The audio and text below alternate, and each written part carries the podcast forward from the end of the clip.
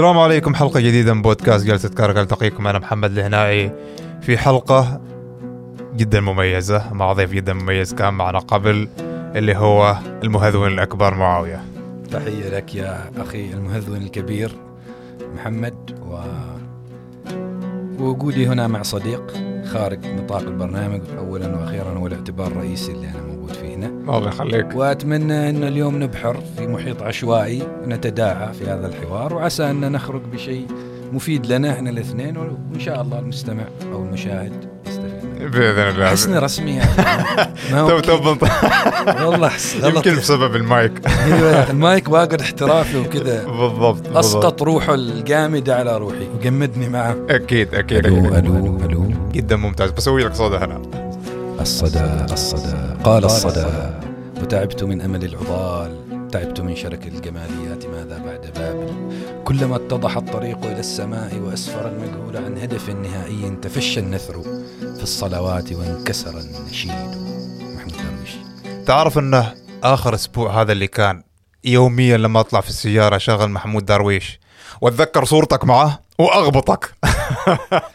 أيام يا أخي آه. أيام أيام أيام. قبل 2004 تخيل؟ كم مرت من السنوات علينا من 2004 بس تبقى أجمل ذكرى أجمل ذكرى لي مع محمود درويش. لأن هي الذكرى الوحيده إنزين قبل أن نبدأ طبعا آه، يعني أنا أعرف إنك نوعا ما تنظر للحياة بعبثية. لذلك نوعا ما المحاور بنخليها بصورة عبثية. جميل.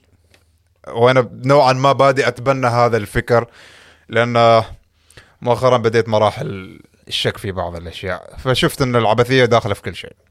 على كل قبل أن نبدأ لأن إحنا في هذا اللقاء تسلحنا بدلة كاملة. خذ راحتك أي وقت عبي ضبط أمورك. المرة الماضية كان في شخص يدخل وطلعنا بكم؟ ثمان أكواب. ثمانية أيوه. يلا إن شاء الله نحطم الرقم القياسي. هذا الثالث. ثمان دلل. هذا بنحتاج التيم كامل يكون موجود. جهز الإسعاف ونحاول.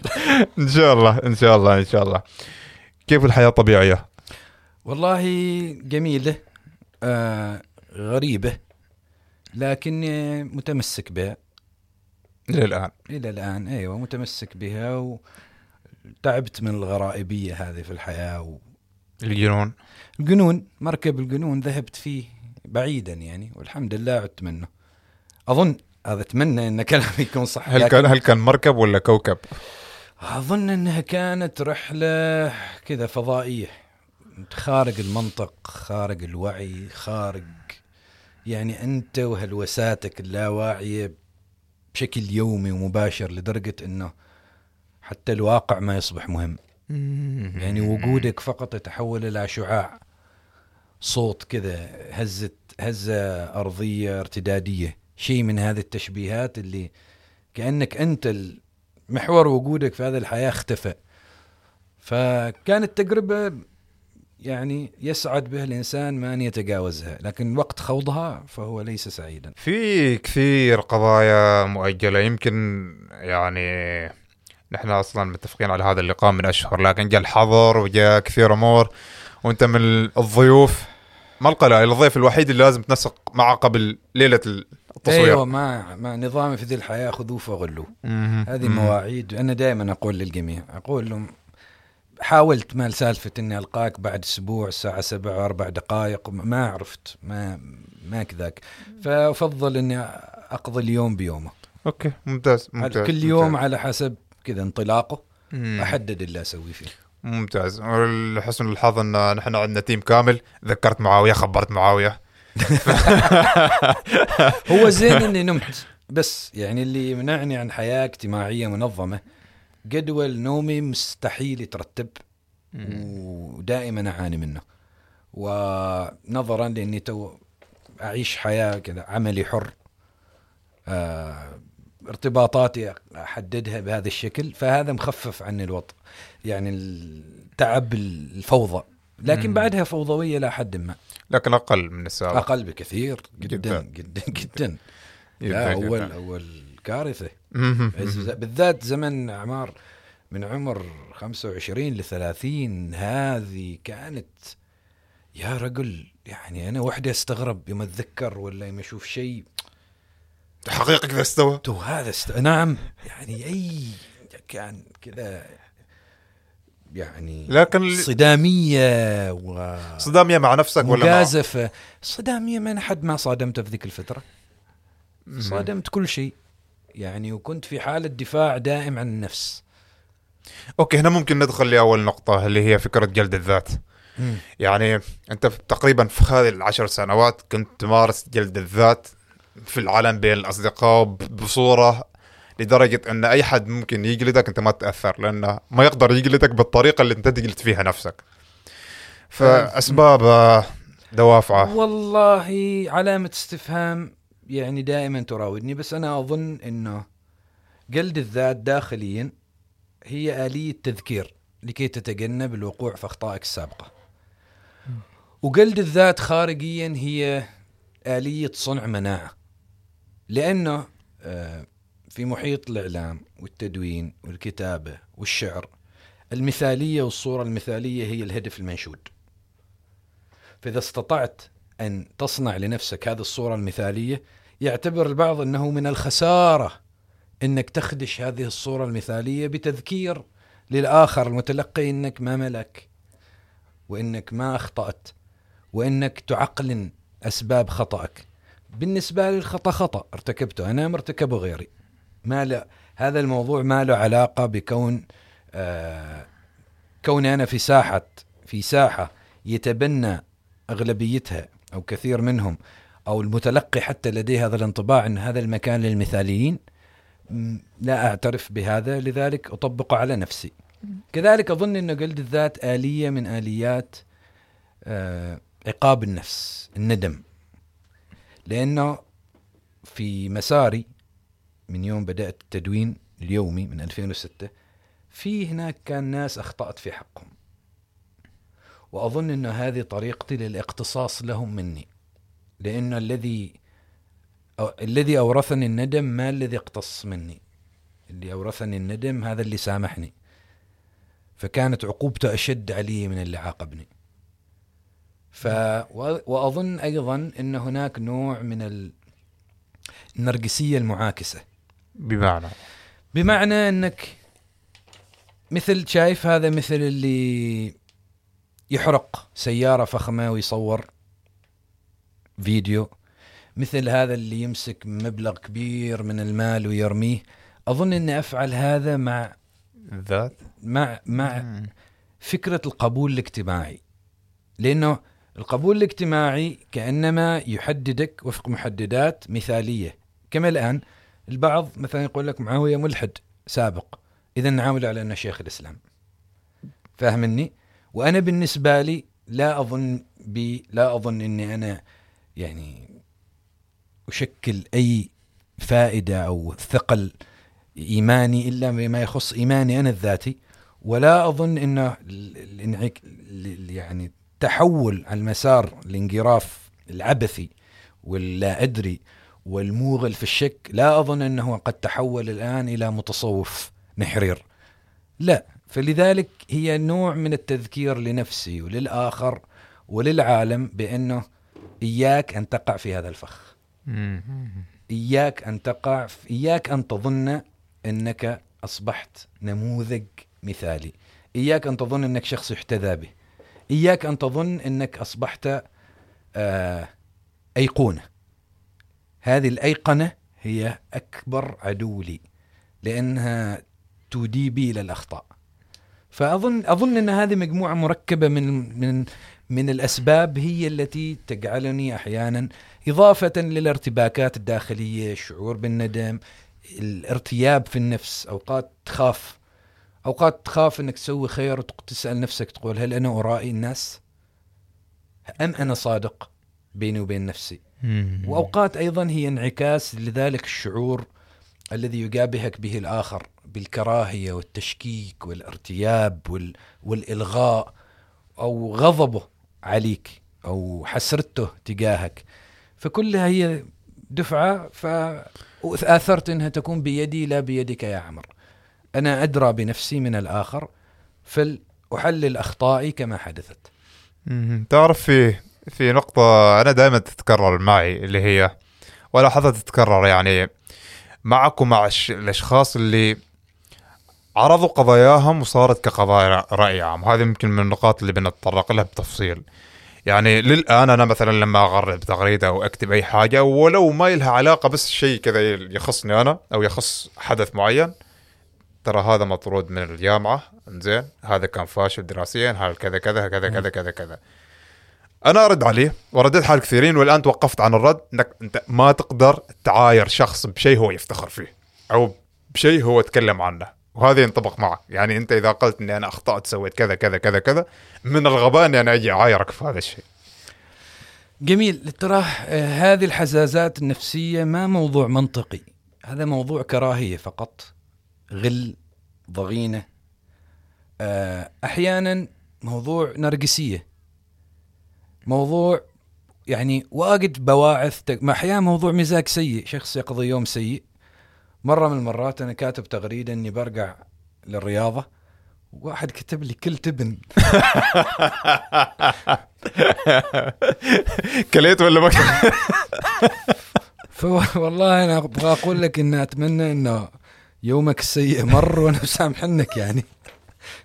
يعني ما ما أنا يمكن تبغى ارجع رياضة ما بغى أضيق بك أنت. أنا كنت بغى ارجع أسوي رياضة بس عشان حالتي أنا تستقر و... واهدى أكثر وأخفف اعتمادي على الأدوية. وانام بشكل طبيعي وأقدر أكل أكثر. فوالله العظيم أقسم لك بالله يا عزيزي أنا لما رجعت رياضة ما عشان أضيق بك. وأتمنى إنك بخير وعافية ومسامحنك إنزين آه هنا ما أنا ذكرت اللي هو فكرة ال- النرجسية المعاكسة وفكرة ال- القبول اللي يصير. يعني بعض الأشخاص سبحان الله يمكن بسبب ميزة فيه معينة بسبب آه الإبداع اللي عندك. تحصل قبول تحصل الناس. للآن يعني الان أنا أمس شفت تع- تعليق على تغريدة يقول هذا أصلا هو عبقري وكذا كذا كذا كذا بس مضيع عليه كذا كذا بهذه الصورة. إنزين. فالفكرة هو الخطاب المؤذي أكثر عن اللي يكرهك. خطاب المحب المتحسر. يعني هذا خطاب مؤذي واقل صراحة. وأكثر خبثا أحيانا. من اللي أصلا من الأساس ما يطيقك. يعني اللي أقدر اقوله للآخر من حقك تكرهني تزدريني من حقك ما تطيقني من حقك تستخف بي اللي تبغاه. فيه عقد اجتماعي وإنساني بيني وبينك وعقد أخلاقي. إذا كنا نتكلم عن المنطق متى ما خرجت من دائرتك إلى دائرتي أصبح لي حق الرد. إذا تحدثنا عن المجتمع أنا وأنت أفراد في نفس المجتمع لا المجتمع نصبك آه، جلادا باسمه ولا أنا سمحت لك أنك تمارس هذا الدور أو أعطيتك هذه الصلاحية ف لا أهتم كثيرا بمن يريد أن يختصر حياتي كلها في علبة كبريت ويقول لي هذا هو آه، فلان. لأنه من الأساس هذا انطباع سريع يصنعه واحد مستعجل فأخذ ما لا أخذ منه ولا علي. أكيد أكيد. واحيانا إذا كان يعني الخطاب فيه ضغين أقول له اذهب للجحيم. يعني أيوه. قرعت قرعك أنت ممكن, ممكن تأكل تبن بعد أنت ورا أيوه وأقول لك التبن إذا حبيت يعني. إذا حبيت تضيف أليافك في نظامك الغذائي ممتاز. تعرف ال... يعني الف- الفكرة وما فيها تحس انه يعني أيضا بنفس الشيء بسبب إبداعك يمكن يتم تصنيفك في تصنيف معين مثلا كمثقف. شاعر- قولبة نحس تحس إنه. إنه هذا ممكن نربطها بال... بال... بالمحور الثاني اللي هي علاقتك بالمجتمع يعني المجتمع ونحن شخصيا كلنا من لما طلعنا. هذه قوالب اختار القالب اللي نحن نشوفه مناسب حالك يعني من ضمن هذه القوالب المتاحة. إيش الشيء اللي سواه معاوية؟ انه كسر هذه القوالب وجلس يخلق قالب الخاص. وهذا الشيء اللي أنا شخصيا جالس أحاول أتبناه أن أنا عندي قالبي الخاص.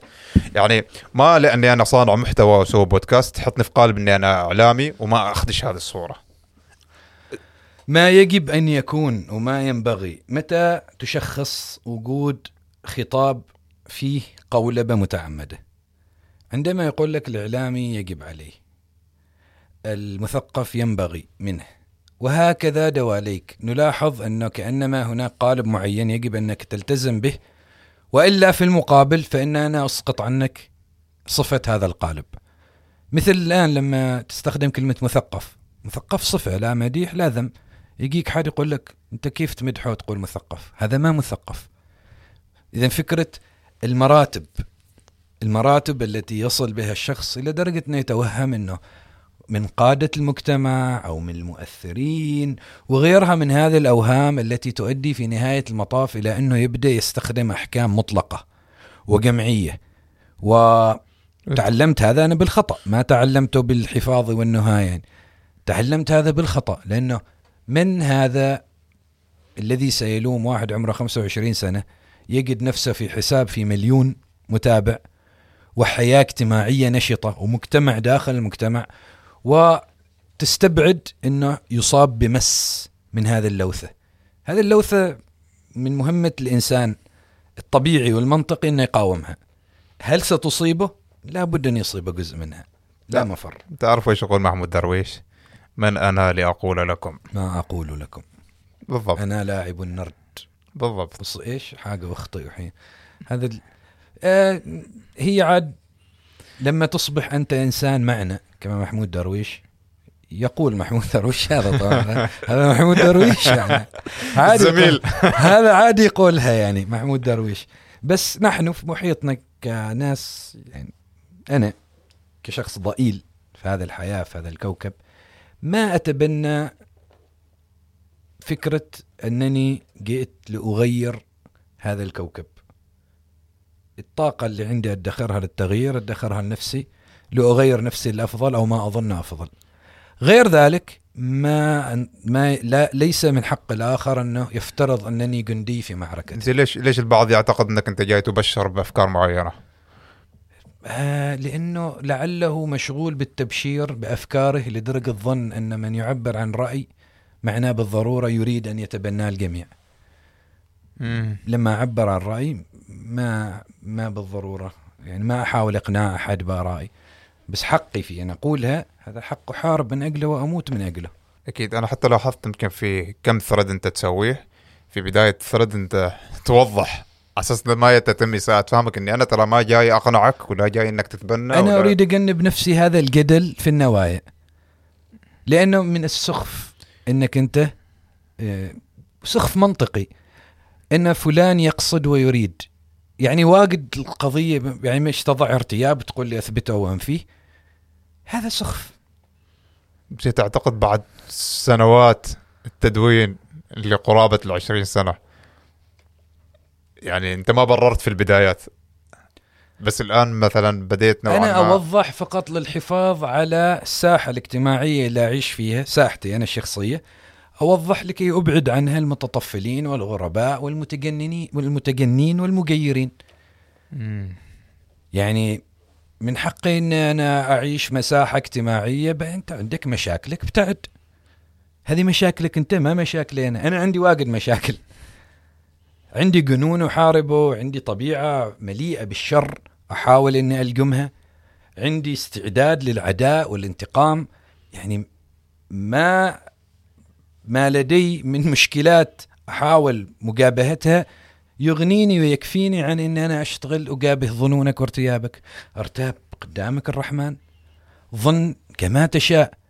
لا تظن إن هذا الارتياب يعطيك أي استحقاق لأنك م- أنت لست قاضيا. أنا ما في محكمة عشان هذا الارتياب يكون له نتيجة عملية واقعية. لا. فسياسة المحاكمة والمساءلة والمجادله بالتي هي أسوأ واقع عام نعيشه كل يوم. ما استطعنا نغيره على الأقل نجد وسائل تمكننا من التعايش والتأقلم. مم. هذا اللي يعني أعتبر نفسي إنسان متعايش ومتأقلم مع مختلف الظروف ما عدا ظرف واحد. اللي هو؟ اللي هو أن يتم يعني محاصرتي لأكون أداة. هنا لا هنا أرفض وأقول لا وأحارب. وللنهايه لست أداة ليمين ضد يسار ولا ليسار ضد يمين ولا لمجتمع ضد حكومة ولا لحكومة ضد مجتمع. ملتزم بهذه الفردية لأنها المساحة الحرة الوحيدة التي أستطيع فيها أن أعبر عن رأيي وأن أكون راضيا عن ما أقوله لأنه خالي من هذه الاعتبارات الجمعيه. جميل. الفردية بن- بنرجع لها بتفصيل. بس على طاري اللي هو العداء والطبيعة العدائيه اللي انت تحاول نوعا ما تكبحها وتلجمها نفس ما ذكرت. وينها في المقلب؟ ال- ال- الطبيعة العدائيه المقلب اللي صار في رمضان أقصد. الطبيعة العدائيه هذيك في ذاك المقلب حذرت أنا مرارا من إنه سنخرج من جدال إلى قتال. وطبعا في أشياء كثيرة ما ظهرت في المقلب اللي هي التحذيرات المتتالية. فكنت أحاول إبقاء الجو وديا وكذلك مقدر هذاك المخرج المعقد نفسيا. ما أدري إيش عنده من المشاكل هو وباروكته. وما أن وضحت له إنه يا أبو الشباب أقدر أدافع عن نفسي وأطلق العنان. تصير شرس. وأصير شرس. فلما بديت أدافع عن نفسي بدا يقاطعني طلعت. هناك أنا عصبت. لأن أنا ما أبغى أحد يدافع عني نيابة عني وهذا أقوله للجميع. وأبقى اكرره دائما. لما أختلف عن شخص لا تصطف معي ضده. أختلف معه فرد لفرد. إحنا مش في صراع جماعات. ولذلك يعني بعد ما فاض الكيل خلاص. كنت أنا أصلا آه، باغى أطلع برا. زين. وباغى أفكر في المواجهة المستحقة. وبعدين أنفذها كما أفعل عادة. وأنا ما شخص لطيف يعني. يعني يؤسفني إني أعترف بذلك لكنني لست إنسانا لطيفا. أنا بي من القسوة الشديدة على النفس وعلى الآخر ما يجعلني أتجنب صناعة عدو جديد. فلذلك مكتفي بهذه الدائرة وأدافع عنها. مدخر هذه العدائية للدفاع عن نفسي وبعد ما طلع مقلب. بعد ما طلع ما ضحكت طبعا وقلت الحم... كما يقول ذاك ما يتكلم عن آه، يتكلم عن سيف لعاب المنية ويهدد. وغير ذلك. الأديب الشهير هذا القصة. ف كان آه، الحمد لله إنه طلع مقلب يعني. أنا أذكر لما شفته أنا قلت بيصير شيء. والرمل بفؤادي لا، وذاك المخرج. أنا المشكلة مقدرنه لا. ليش؟ قا... يعني أول ما جيت وصلت مع القناة الاستقامة يقولوا لي ترى شوية ما على قلت أنا زميل. مقدر وضعه يعني. لكنه يعني تجاوز حقوق الزمالة للازعاج مم. فعاد ما استطاع يعني المذيع استطاع انه يستفزني. أما هو ما ما كنت يعني كنت مستعد أني أتحمله وأجتنبه. فهم لو ما قالوا لي ذي المعلومة قبل كانت المواجهة بتكون أشد. لكن لحسن الحظ إنه قالوا لي هذا ال...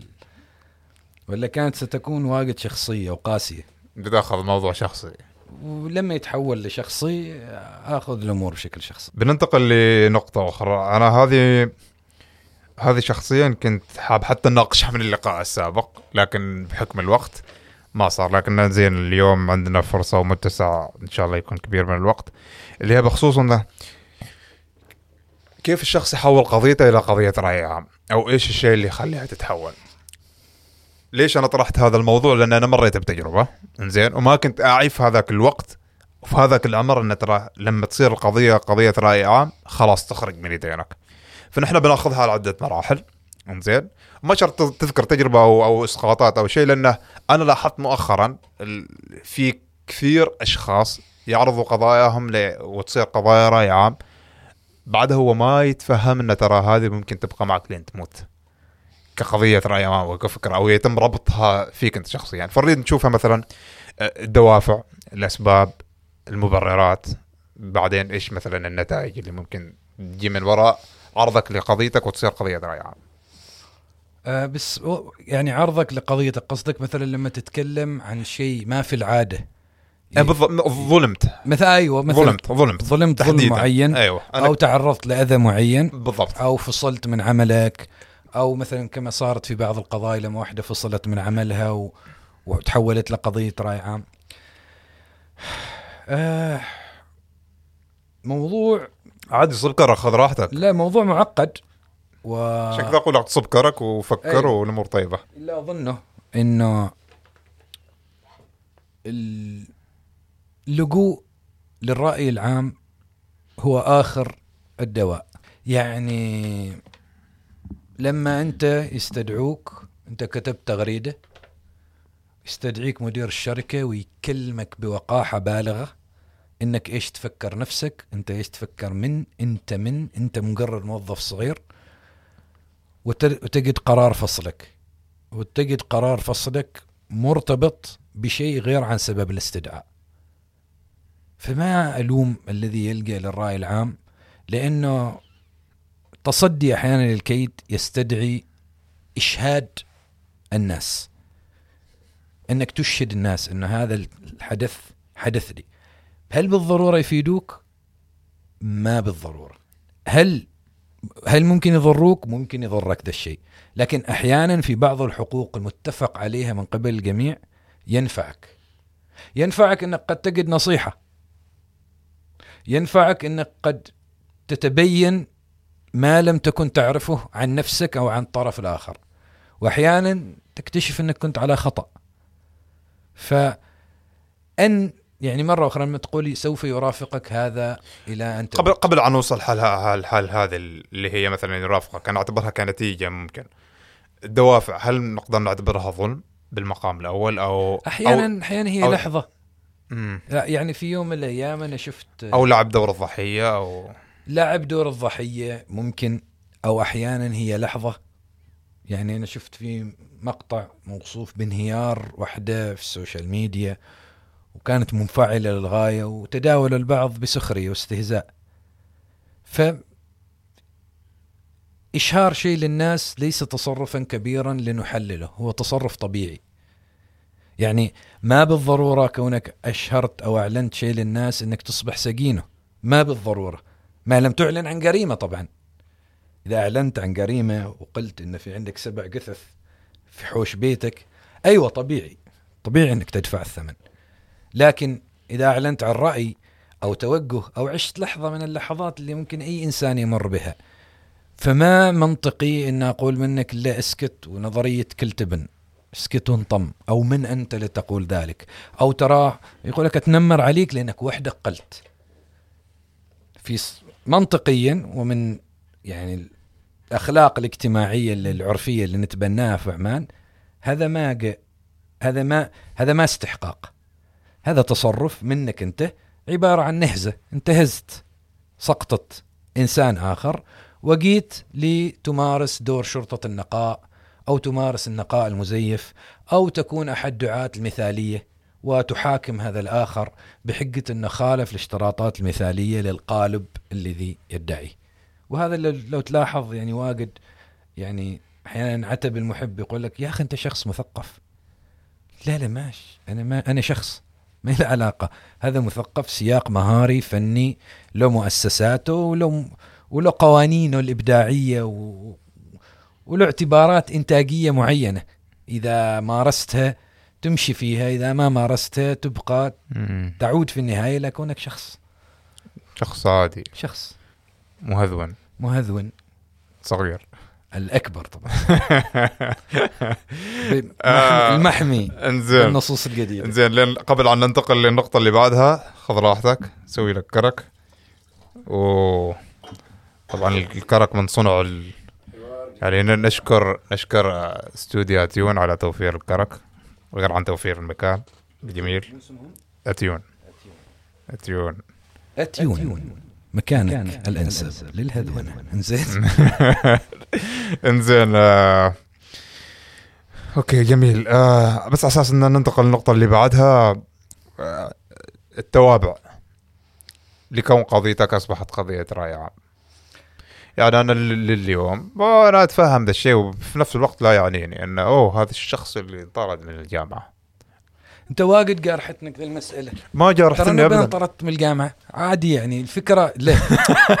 ما جرحتني بالعكس. إلا شوف هو اللي لأن أنا عوضت. شوف كما اللي صار لي اليوم لعلك لو تلاحظ لما. جه شخص و... ويعيرني بالمرض النفسي ويستخدم خطابه في طي الكلام حقة الضغينة لها حقق واهية وتظهر من البداية. فهو باغي يتشمت. آه، هل ذا يؤذيك؟ أحيانا يؤذيك. لكن لا مجال لك أن تبقى وتتحسر على هذا العالم. تكمل حياتك. فهذا اللي إذا وصلت قضيتك لرأي العام لرأي عام كما وصلت الآن بعض نشطاء ال social media وغيرهم لا يعني إحنا ما ما دائما نردد إن إحنا في دولة قانون. مهم. أيوه لا يعني إن أحد كسر القانون وخالف القانون إنك أيضا تقدر ترتكب جريمة بشأنه. ولا يعني إن واحد ارتكب جريمة نشر ترد عليها أنت بجريمة نشر. هذا المنطق اللي إحنا نعيش فيه. ما هذا الكلمة دائما يقول لك نحن في دولة قانون ومؤسسات. اذا التزم بذا الشيء أنت أيضا كمتلقي. ما معناه إنك أنت أتيحت لك الفرصة انضميت إلى ذا التيار المليء بال- بال- بالتجاوز وتغلط على شخص آخر إن هذا أصبح مبرر. ليش؟ والله لا هو وحده سوى كذاك لا لا ما وحده سوى كذاك إذا نبغى نقتص نقتص من الاثنين معا. ولعلك لو تلاحظ في الآونة الأخيرة تم استدعاء هذا الخطاب خطاب السلطة وفليحاكم وفل وفل وفل وفليسجن وفليردع وغيره وغيره وغيره. من أجل سجالات ثقافية اساسها الجدال أزلي يعني جدال أزلي. فأنت ما يستو تستدعي منظومة برمجية آلية. القانون ما شخص. القانون ما جهة ما ما منطقة رمادية بالضرورة. في عندك نص لا جريمة إلا بنص والعقوبة شخصية وغيرها من هذه المبادئ الرئيسية. فاقحمناها إحنا في نقاشاتنا بالذات في تويتر اللي هو الآن في أشد حالاته غضبا وتوترا وتكهربا. ونحن لا نعيش اياما جميلة على أي حال في ذي الأيام يعني. كلنا لا نعيش أيام جميلة كلنا في ترقب وتربص وحجر ورا حجر وارتفاع عدد وفيات ويسد خطف علينا حجر العيد. يعني خرج كل شياطيننا. بالفعل. ف هل أنظر لهذا الموضوع من نظرة جمعية؟ لا أنظر له كفرد وأنا هو فرد. أما الجمع وما يفعله كل نفس بما كسبت رهينة. ولا تزر وازرة وزر أخرى.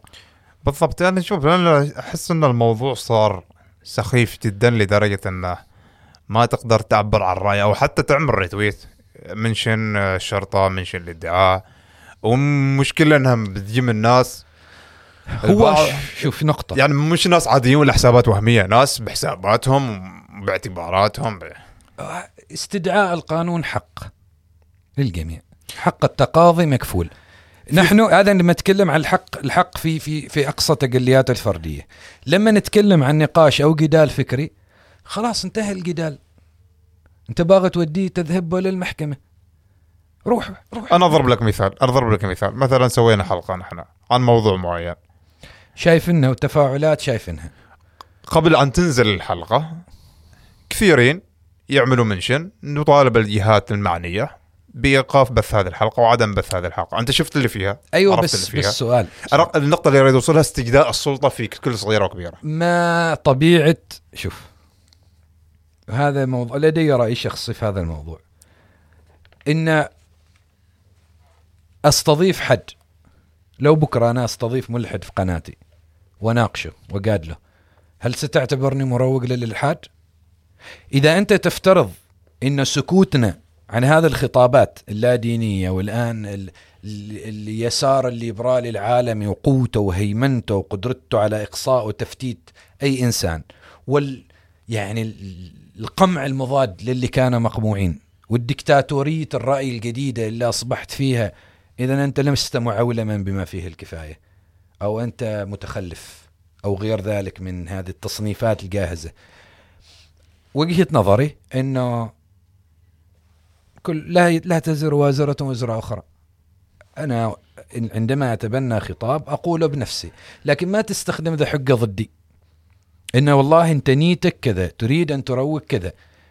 إذا نتكل إذا كنا نتكلم عن أفكار تروج ويدعى لها وفيها تجنيد سياق تجنيد اجتماعي. آخر شيء يحتاجه هذا الإنسان وهو يجند آه إنه يظهر للعلن لأن المجند والمحرض جبناء يعملون في الظل. بالفعل. ال- بالفعل. هذيلا ما ي- ما ي- ما يورط نفسه. هذا. يورط الآخرين. فقط. ولعلك لو تلاحظ في فترة من الفترات كان هذا السلوك شائع.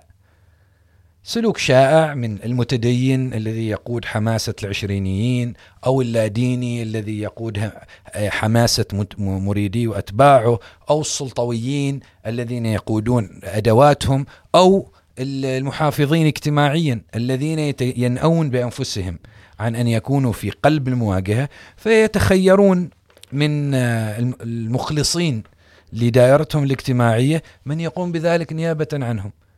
فالجدال باطل من هذه الناحية. لكن هل أنا الآن أضغط عليك بهذا الحجة؟ ما منطقي. أضغط على إذا أنا عندي مشكلة معك أقول عندي المشكلة معك وباختصار ما أطيقك وما أطيق أي شيء تأتي به ومرتاب فيك وأسمي الارتياب مرتاب فيك وما واثق في نواياك. أما أستدعي السلطة عشان أنا شاك في إنسان وما شاك في نواياه ترى حتى لو قالت السلطة ما عندها ثرمومتر نوايا. السلطه عندها نص. آه نشوف. كسر قانون. كسر قانون. تفضل شاي كرك ما كسر قانون روح بيتكم. انتهى الكلام. فالسلطة منظومة برمجية ما منظومة شخصية. ما شخص يزعل معك السلطة. هاي آه السلطه تعالي زعلي. شوفوا مستوى. ما كذاك الدنيا تمشي. زي. وهذا يعني شوف ذا الخطاب هو طبيعة تبلور مجتمع عمان من قلة سكانه وقلة معبريه ومفكريه إلى كثرة سكانه وكثرة معبريه ومفكريه. ننتقل من وضع استاتيكي ساكن إلى وضع تفاعلي ديناميكي. فنتيجة هذا التفاعل تبدأ تتمايز الأشياء وتستقطب والاستقطاب بوتو جالس استوي. هذا فقط للمرحلة الأولى. اللي قادم سيكون استقطاب آه حت ممنهج وسيتحول إلى شكل من أشكال المأسسة ممأسس وسيتحول إلى صراع وجدال وقد يكون صحيا متى ما توقفنا عن محاولة إيجاد الحزب الفكري الحاكم. ما هو الحزب الحاكم؟ والله إحنا كلنا محافظين لا ما كلنا محافظين. ولا الخطاب اللي بعض يتبناه آه إن المجتمع المجتمع آه لا يفهم وإنه هذيل عامه وإنه لا يفهم الثقافة وإنه هذيل ناس هذا خطابات مريرة نهايتها وخيمة. لانها اذا صدرت من ذاتية الفرد خربت عليه المنطق. للمتلقي قد يجد فيه آه، يسر في التلقي.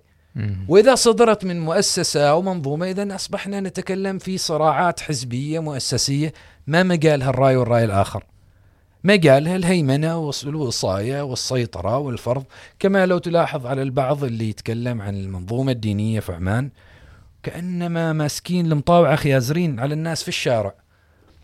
ويستورد حالة ما موجودة في عمان يصنع شيء ما موجود في عمان وبعدين يناضل ضده. ما شفت أنا مطوع لي أنت ماسك خيزران في City Centre بامانه يعني. ما شفت لي أنت واحد مطوع. حالهم حال التيار الذهني المضاد اللي هو بالنسبة له يبغى حياة لا دينية ويبغى فصل الدين عن الدولة ويبغى فصل الدين عن المجتمع وينادي ويطالب ويتفاعل مع العالم. الحالة المنطقية اللي هي ممكن يعيش فيها الجميع بسلام انت عبر عن رأيك انت عبر عن رأيك ومن المستحيل إن نتفق لكن سنتفق على شيء واحد إنه لا تكون الغلبة لأحدنا على الآخر. متى ما كانت الغلبة لأحد دون الآخر اذا لا يقوم بإفناء وإقصاء الطرف الآخر. واحد ما ملحد ما تقول عنه ملحد. واحد ما قال كلام تقيت قوله ما لم يقل لتؤلب ضده لا لا أنت المجرم. أنت الكاذب.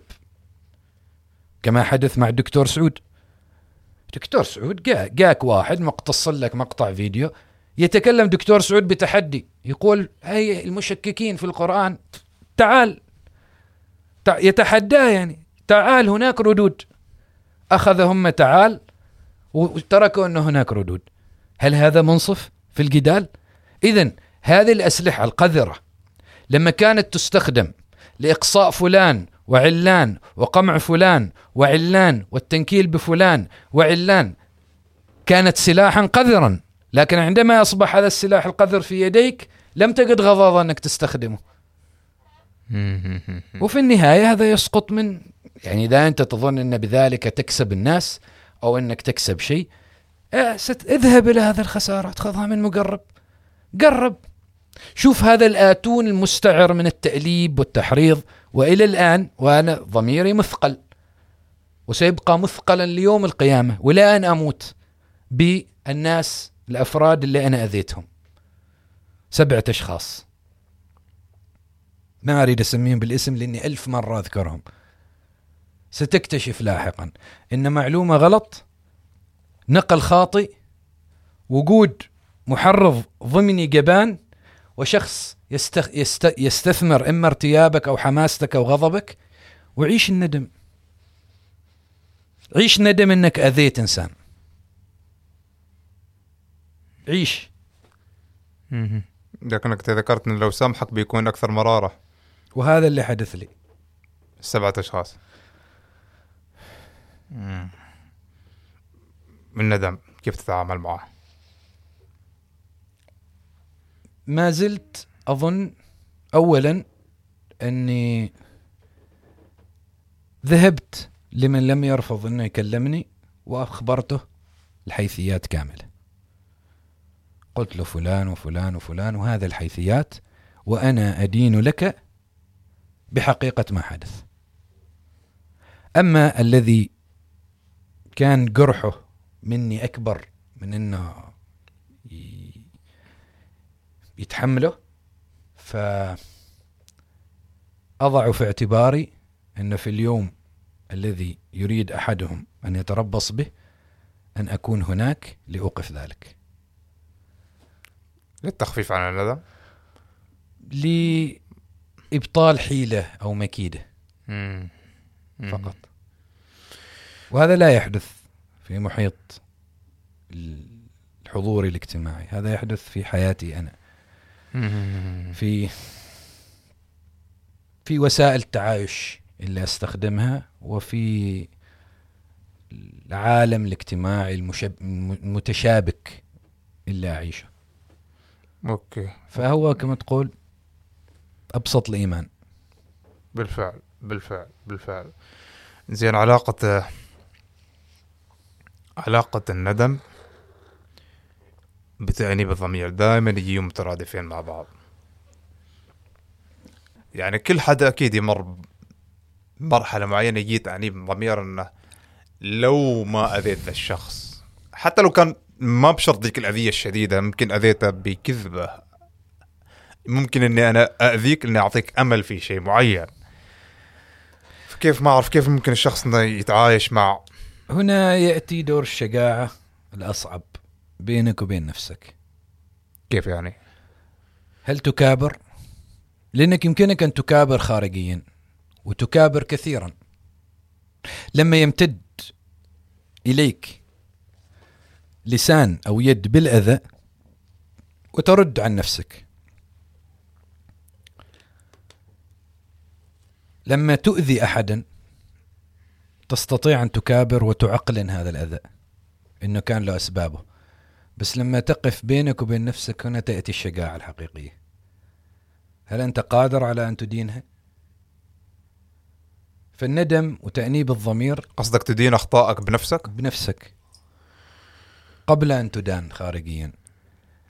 ودائما المكابرة ستأتي من الإلغاء إنكار أو كبرياء. ونعود لنظرية الخطايا السبع. الكبرياء أنك تعتز وترفض أن تقول أنك أخطأت. و نفترض أن شخصا ما أدان أدان الخطأ بينه وبين نفسه.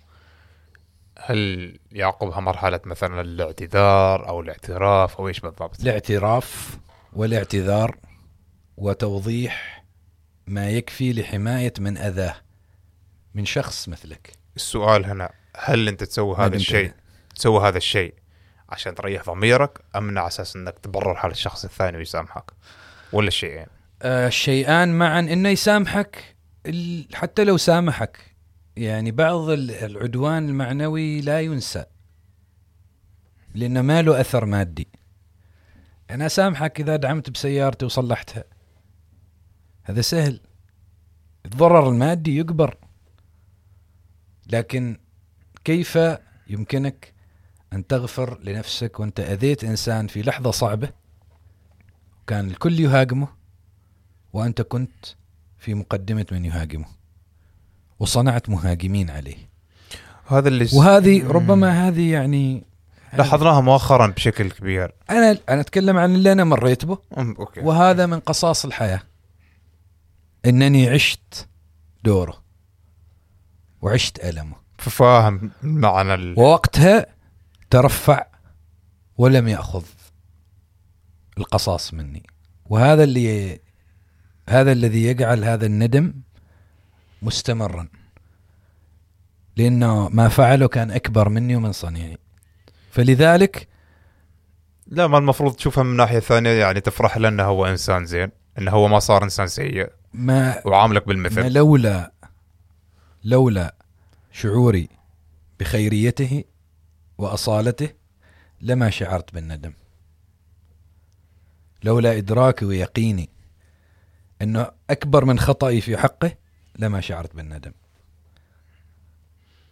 مم. ولولا إدراكي بأنه كانت كانت في يده السكين التي يستطيع طعني بها ورفض لما شعرت بالندم. لأن هناك من جنبني تأنيب الضمير والندم بأنه لما طحت طعن.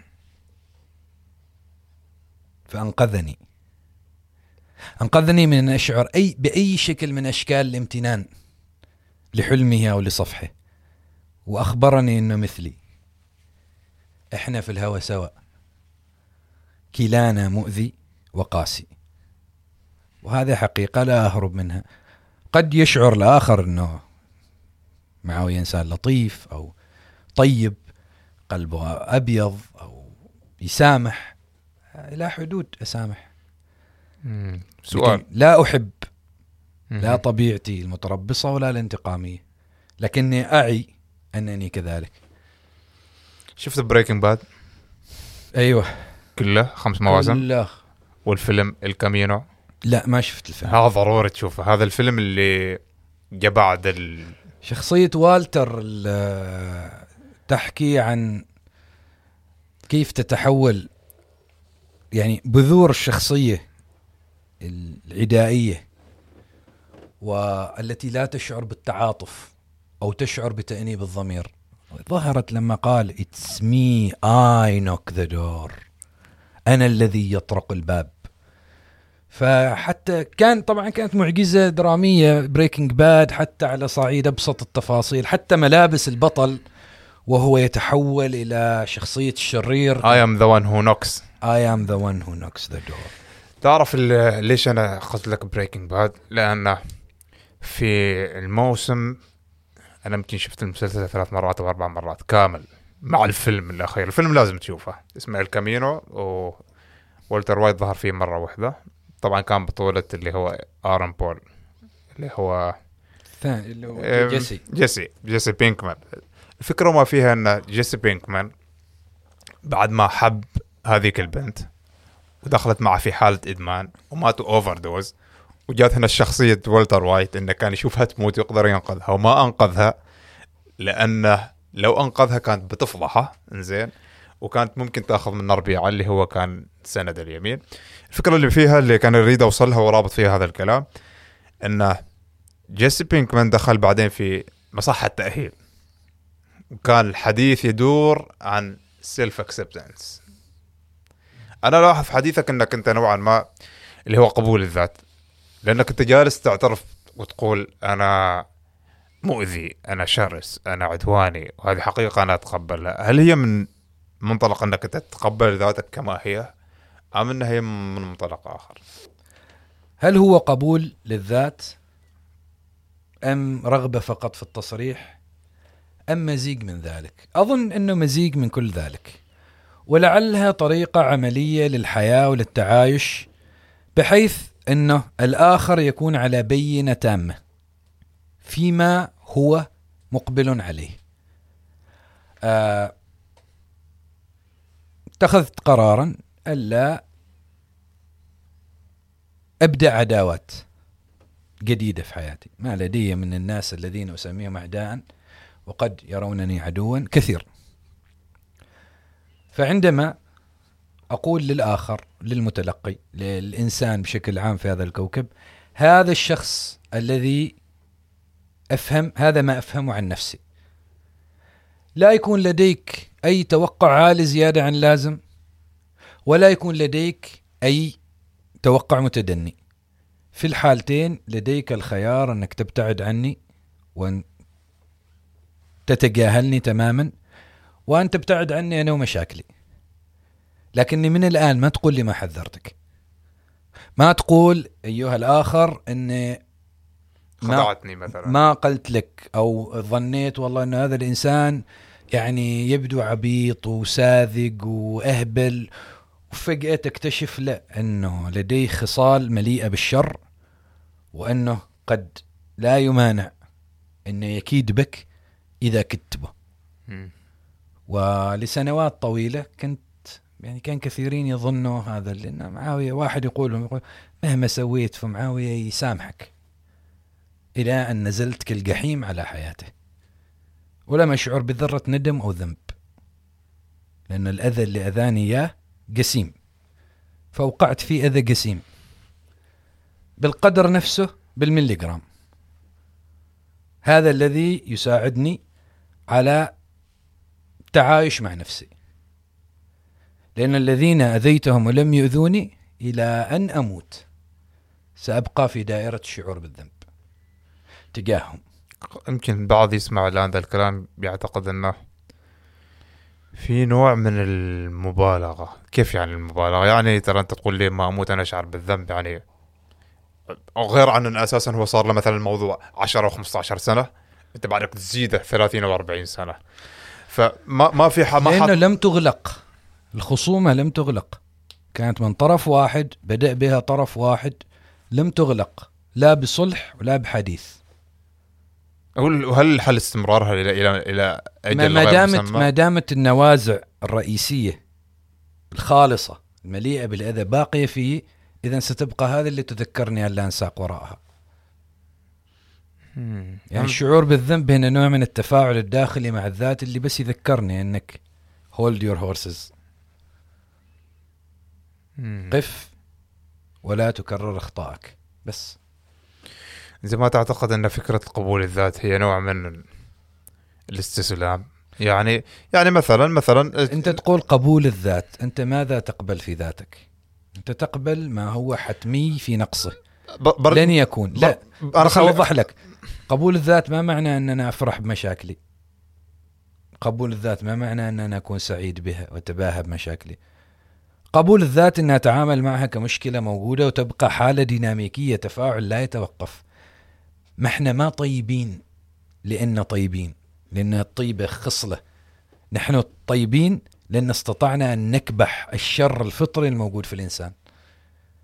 الإنسان ما كائن لطيف ولا طيب. هذا من زاويتك أنت ولا تتكلم بشكل عام؟ هذا من رأيي الفردي الذي لا أعتبره الحقيقة المطلقه إنزين لو. خليتنا برا. انت انت انت انت, انت خليتنا برا. لا يعني هذا رأيي لا. شوف الفكرة- الانسان ما ظاهرة خير بالضرورة يعني. لا لا ليش أنا سألتك؟ ما عشان تبرر أنا سألتك عشان تقول لي نعم هذا من زاويتي على أساس إني أنا باغي أرجع للمثال اللي طرحته اللي هو آه تبع جيسي بينكمان في Breaking Bad يعني لما كان يقول يعني أنا تقبلت نفسي يقول أنا I am the bad guy يعني أنا الشخص ال- السيء. هو خلاص ثبت على هذا وبيمشي عليه ورجع وهذا الصح. هذا الصح لأنك أنت يعني مثلا لما المفروض الشخص يطمح إنه يكون إنسان أحسن. إيه لا بس يتقبل إنه كان سيء. أوكي لكن الفكرة إنك أنت ما تصنع تبريرات لأشياء سيئة. أنت قلت إنك تعيش في حالة ديناميكية مع مشاكلك. يعني أنت. أيوه. تتعايش مع هذا السوء. والقبول قب... أول شيء إنك تقبل أخطائك وتسميها خطأ هذا أول مراحل. حلو. تن- تتوقف عن الإنكار. أنا ما سويت شيء. وتتوقف عن التبرير. لا. اذا ما المهم؟ أنا أبرر كل كل خطأ تبرير. وجود التبرير لا يعني إن الخطأ مستحق. ما معناه؟ هذا التبرير بينك وبين نفسك لت... لتوقف العوامل المحفزة للخطأ. واحد خبص الدنيا وهو سكران.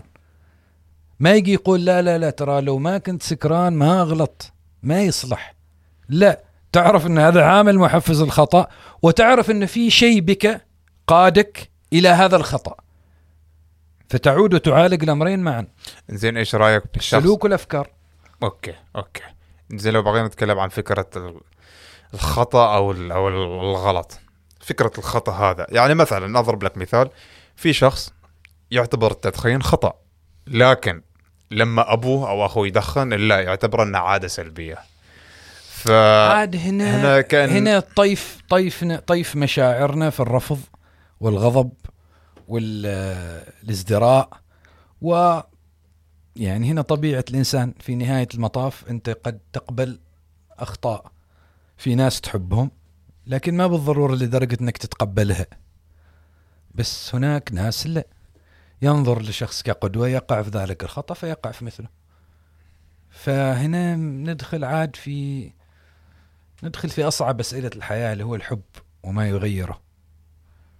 حبنا لشخص يجعلنا أن نرى في عيوبه مزايا نرى في عيوبه مزايا وهذا من معضلات الحب لا إجابة لها يعني.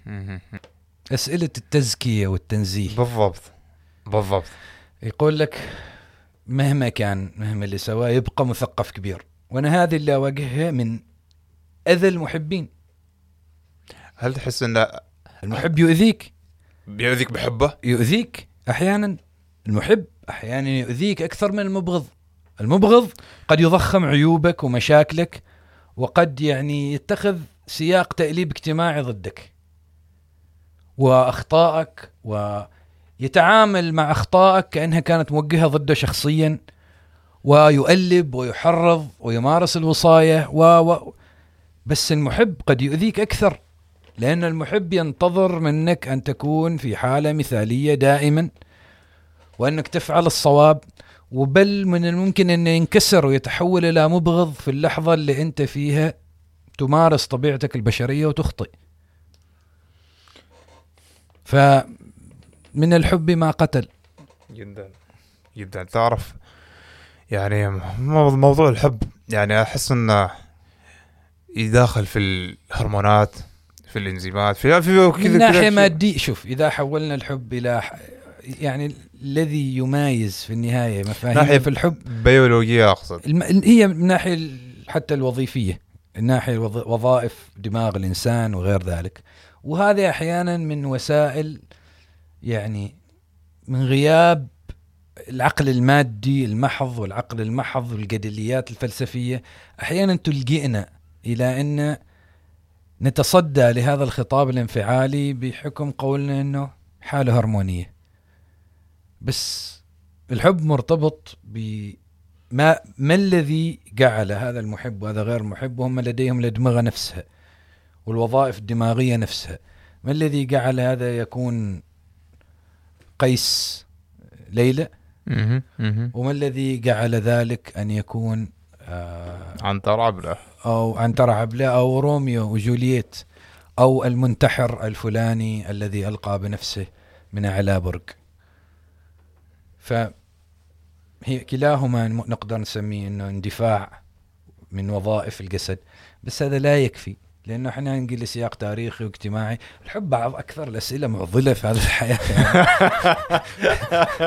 يعني فقط محاولة فلسفته الحب ومنطقته من الشؤون الإعجازية في هذا العالم. شوف أحيانا حتى ما ما شرط يكون مرتبط ببشر ممكن يكون مرتبط بحيوانات.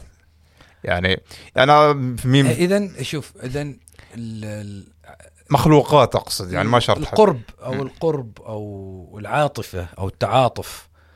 نفس الكلمة نفس المفردة كلمة الحب. تحب حيوان أليف تحب هواية كلها مرتبطة بكلمة حب.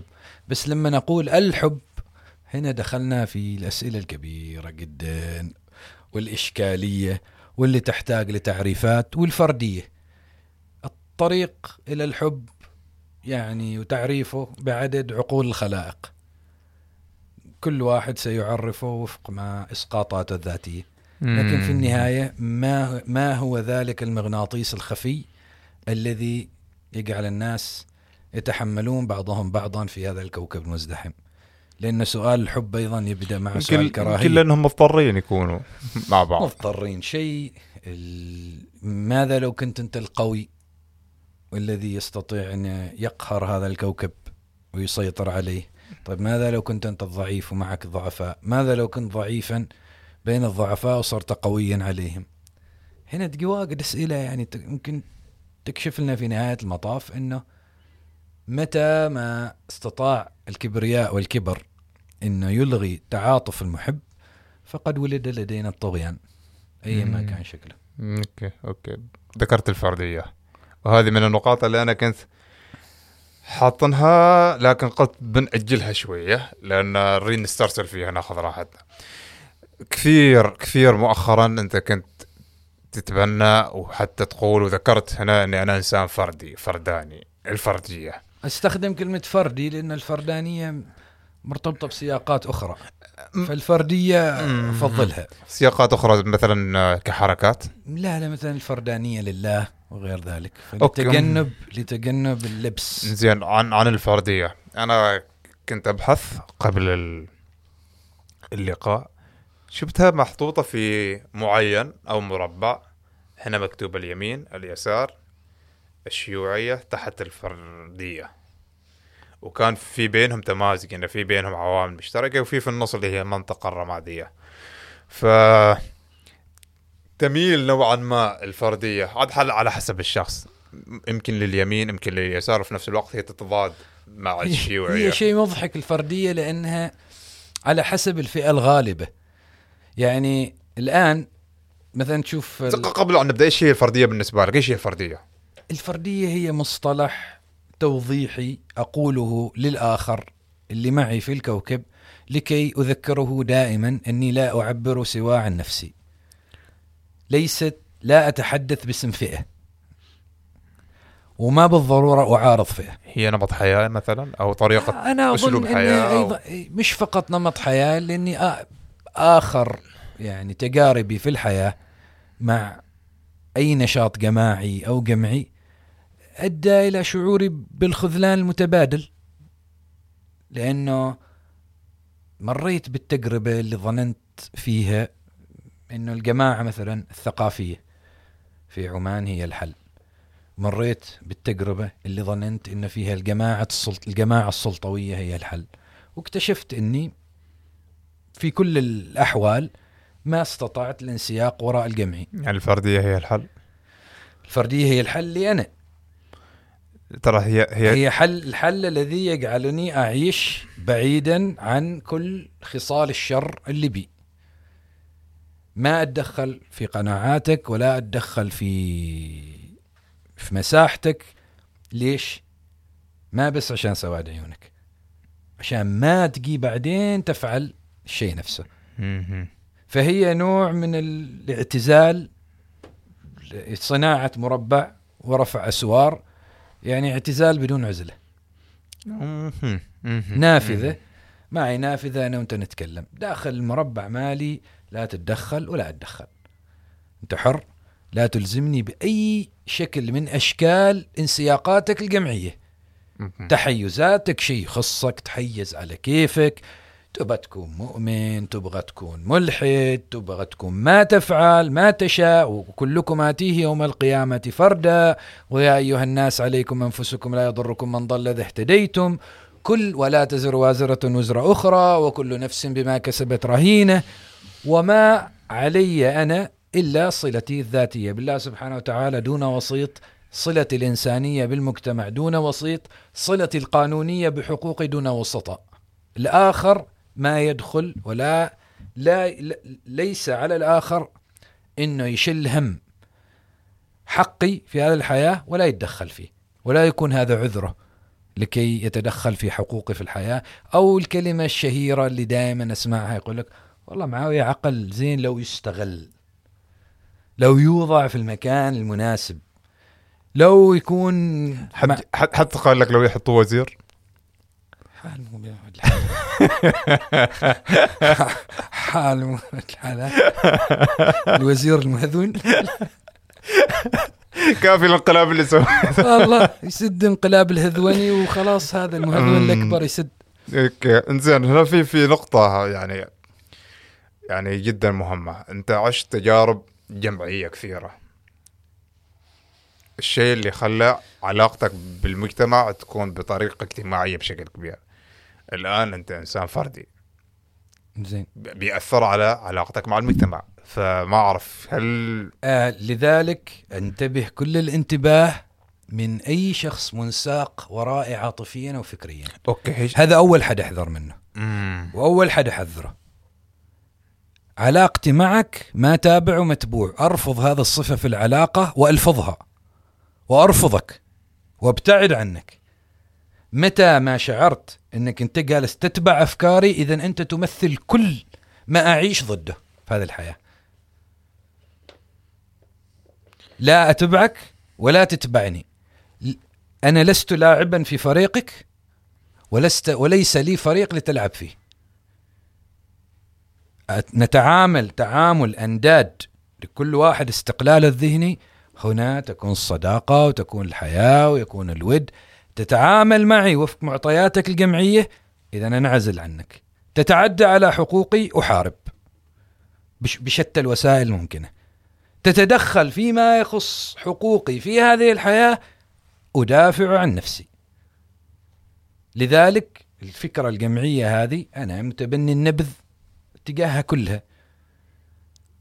أتكلم كفرد وأعيش كفرد واعيش في دائرتي الاجتماعية والحمد لله رب العالمين. تأتى لي أخيرا إن أعيش حياة مستقرة بعد ما جزاه الله خير السلطان هيثم أصدر عفو السامي الكريم وانتهت آخر علاقتي بهذه الشؤون الجمعية المطلقة. الوطن ولا المعارضة ولا لا معهم ولا ضدهم. الحكومة لا معها ولا ضدها. لا مع حد ولا ضد حد. جالس في هذا الكوكب مسمي نفسي مهذون وعينت نفسي المهذون الأكبر وراضي بهذا الوضع لأنه يتيح لي مساحة للتعلم من الحياة دون تأثيرات ودون تحيزات مسبقة. وهذا قراري وخياري اللي في الحياة واللي أدافع عنه ما يحق حد يتدخل فيه. قبل؟ يعني أنا واجد أحب كيف أنت جالس تعامل فكرة إنك أنت كمهذون أكبر. زين، وتمج- عايش قوي. وعينتني معي. يعني أنا ذيك اليوم باغي أنام وفجأة أشوف انه تم تعييني كمهذون أكبر بالإنابة. مهذون كبير بعدك مهذون أكبر. أوكي أوكي أوكي أوكي. بعدك مهذون مهذون أكبر بالإنابة. أنت ب- ميراث التاريخ يعني موضوع له علاقة بالزمن. أنت قلت إن الدستور بيصدر قريبا. دستور الهذواني أيوه. أيوه. بعد ما مجلسكم الموقر يعتمدوا إن شاء الله إن شاء بعد الله موافقتي طبعا. على فكرة المجلس كل النصوص اللي هناك كل النصوص اللي هناك مهيئة إنه بعد موافقتي. في معارضين في المجلس تعرف هذا الشيء؟ أهلا وسهلا بالعكس إحنا مجلس يعني المجلس الهذوني يرحب بالرأي والرأي الآخر. ما دمت في النهاية أنا لعبت فيه. هذه الدكتاتورية في أبها لا حللها بالعكس من أجلكم وفي سبيلكم. إنزين آه بس عشان أساس إن نختم هذه ال- الجزئية الفردية شوف اللي باغى أقوله. لا لا في في نقطة تذكرت أساس إني ما أنساها اللي هي فكرة آه أنت عايشت الجمعية والآن تعيش الفردية. هل في منافقين؟ أو وجوه مقنعة في الحياة الجمعيه ما الحياة الجمعية أساسها الرئيسي إنك أنت تصنع شخصية مثل المدخل الإحصائي تتفق بشكل شبه تام مع هذه الميول الجمعية يعني ما هي حقيقتك؟ أنت من الممكن ما قضية حقيقتك ممكن حقيقتك تتفق مع السعي الجمعي. لكنك أنت أداة فيه. يعني انت ما بالضرورة انك كما الكلمة انك منافق و... وتدعي أو ت... يعني كما يقول لك آه، يدعي وصلا بليلى. ما بالضرورة. زين فلنفترض بس انت أداة. أنا أنا تعال النقطة اللي اذا. واليوم لأنه أنا تو مثلا أجي أعطي رايي في شيء جمعي. مثلا السلطة في عمان المطاوعة في عمان الثقافة في عمان. هذه كلها آراء طباعية. ن- لما نجي ندخل في التفاصيل. إذا تسقط الجمعية. لم نعد نتكلم عن مجموعة أفراد صرنا نتكلم عن فرد في تلك المجموعة. فيسهل الحديث ويقترب من المنطق. أما خطاب هذا الدعايات المتلاطم قد يمحق ويسحق عقل الإنسان وقد يعزز تحيزات سيئة فيه ويدفعه إما أن يكون آه، جنديا في معركة ليس قائدها وإما أن يكون وصيا على الآخر بحكم أنه المجتمع عايز كده أو أنه يفقد استقلاله الذاتي لدرجة أنه يصبح إنسان أداة يعني لم يعد له قيمة يستمدها من ذاته ومن وجوده في الأرض إلا هذه المنظومة. مثل ما يحدث الآن لما انقلبت الأدوار. يعني زمان كان المتدين يتحدث بخطاب الوصاية ويتحدث بخطاب ما يجب وما يكون والأمر بالمعروف والنهي عن المنكر. الآن اللي الآن الحداثيين صاروا هم اللي القلادين. صاروا هم أصحاب الوصاية وصار بس مجرد أنك أنت مطوع و... وتدعو ضد الخمور وتدعو ضد ذلك فأنت تدخلت في كل يعني الحريات الشخصية وكأنك ماسك خيزران وتضرب الناس في الشارع. كما المحافظين والليبراليين في في أوروبا وأمريكا. انقلبت الآن الآية لأن المحافظين هم المعارضة الجديدة. لأن هم اللي الشيء الخارج عن التوجه العام. لأن ضغط ممكن تخسر وظيفتك الجامعية إذا أبديت رأي رأي لي لي لي لي من الطبيعي جدا أنك تتبناه كفرد. تخسر حياتك ووظيفتك ويشن عليك ويهجم عليك ويسلط عليك وممكن حتى تصل للعنف. ولعل لعل هذا ما نلاحظه الآن من تيار اليمين الأوروبي. كيف يعني الآن أصبح هو المعارض أو اليساري. فهي أدوار وتلك الأيام نداولها بين الناس. هل ممكن للف- للفرداني؟ ما الفرداني الفردي. أن يكون يميني أو يساري؟ آه، أنت تسألني الآن سؤال المصطلح الفلسفي. سؤال الخيار الشخصي مالي إنه إذا اعتدت عليك فئة ت- تفكك انتماء من اعتدى عليك وعلاقة ذلك بالفئة وتصل إلى نتيجة هل هذا تصرف فردي من شخص ولا تصرف جمعي؟ لأن التصرف الجمعي يستدعي نزالا فلسفيا وفكريا واجتماعيا وأن تكون ناشط. مثال نفترض أنه جه في يوم من الأيام يعني وزارة الأوقاف ما أدري مثال منعت التغريد. مثال ما أعرف مثال صعب حتى أجيبه. بس وزارة الأوقاف قررت أن تستخدم سلاح الفتوى أنه نسمح بفتوى رسمية لهذا أنه يغرد لا نسمح لهذا أنه يغرد. فأنت ذيك الساعة ترى هذا ال- الجماعة أمامك منظومة مؤسسية جماعية وتفكك. من السبب؟ أنا مزعل من هناك حلم الفتوى صدرت ضدي هذا يحدث بعض الدول. لما يمنع الحديث باسم الهيئة الدينية الفلانية يمنع فلان وفلان وفلان وعلان ويسمح لفلان وفلان وفلان العلان. أنت هنا موجود ترى معنا. إحنا موجود بس ما ما يعني أنا بدون ذكر أمثلة ممنوعين من الخطابة في المساجد. وهذه مشكلة. الآن الفرد الذي وجد نفسه في هذا الوضع هنا في معضلة يعني هنا في هنا في حرب حقوق هنا مواجهة. زين. ما عند يعني ما شحل. الام إذا كان هو مصر على أن يخطب للناس ده ما ما يقدر. بعد المنع ما يقدر. جميل منعوه. إذا هو مصر على هذا على أن يقوم بذلك إذا في تحد في عدة طبقات من التحدي والمجابهه الإدارية والشخصية والقانونية والاجتماعية. وحملات وخطابات ويجعل الموضوع رأي عام. وعاد هنا هو خياره الفردي أن يختار هذه المعركة أو لا. أو يقول لك الله يعوضني زين وما أستطيع أني آه، يكون لي منبري بعيد عن المنبر الرسمي. كما يحدث معنا الآن اللي عليه علامات استفهام من الإعلام أو عليه يعني عليه كذا علامة يعني كأنك ترى رأي شخصي وهذا أنا حدثت لي كيف يعني؟ في أحد الأشخاص ذات يوم كنت أنا أظهر في برنامج تواصل مع مدير هذا البرنامج وقال له إنه معاوية قال وحده عن نفسه انه مريض نفسيا.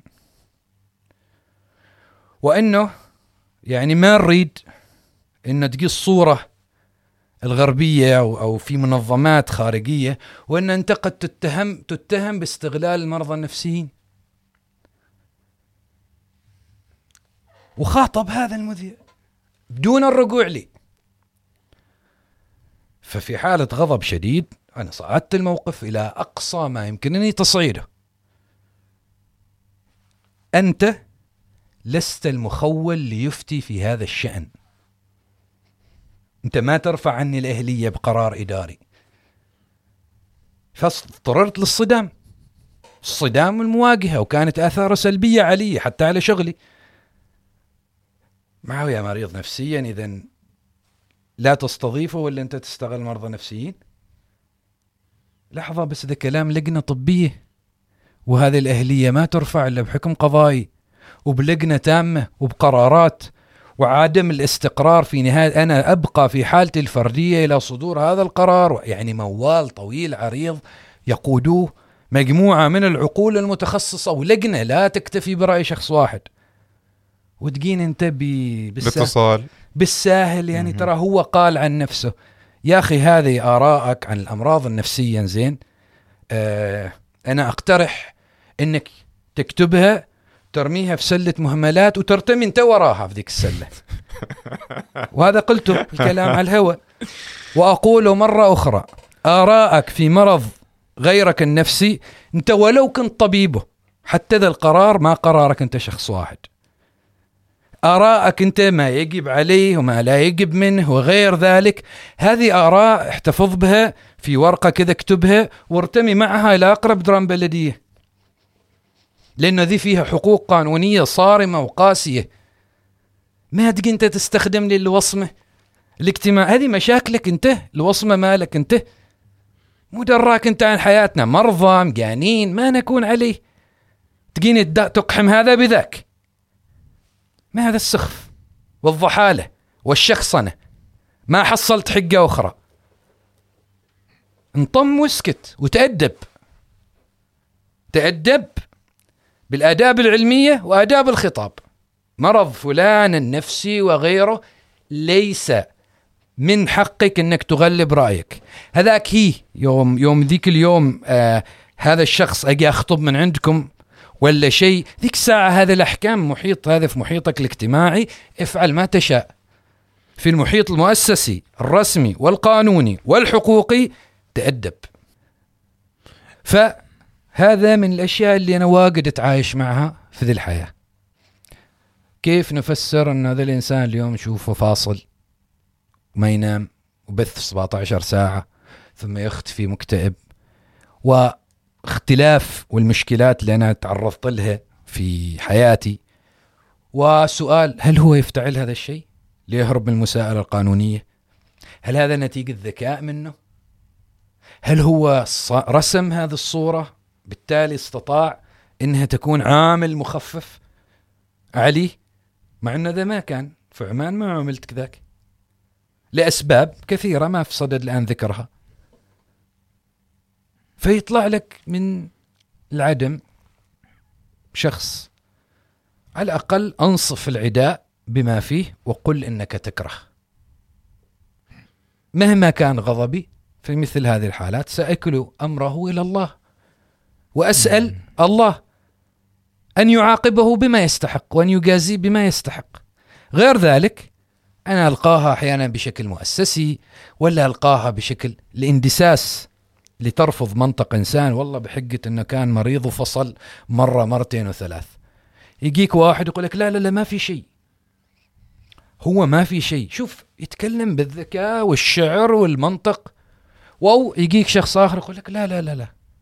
لا تأخذ منه لا تأخذ رأيه لا ترد عليه لا لا تتعامل معه كعقل صانع أو منتج للرأي أو للقرار حتى بحجة أنه مريض.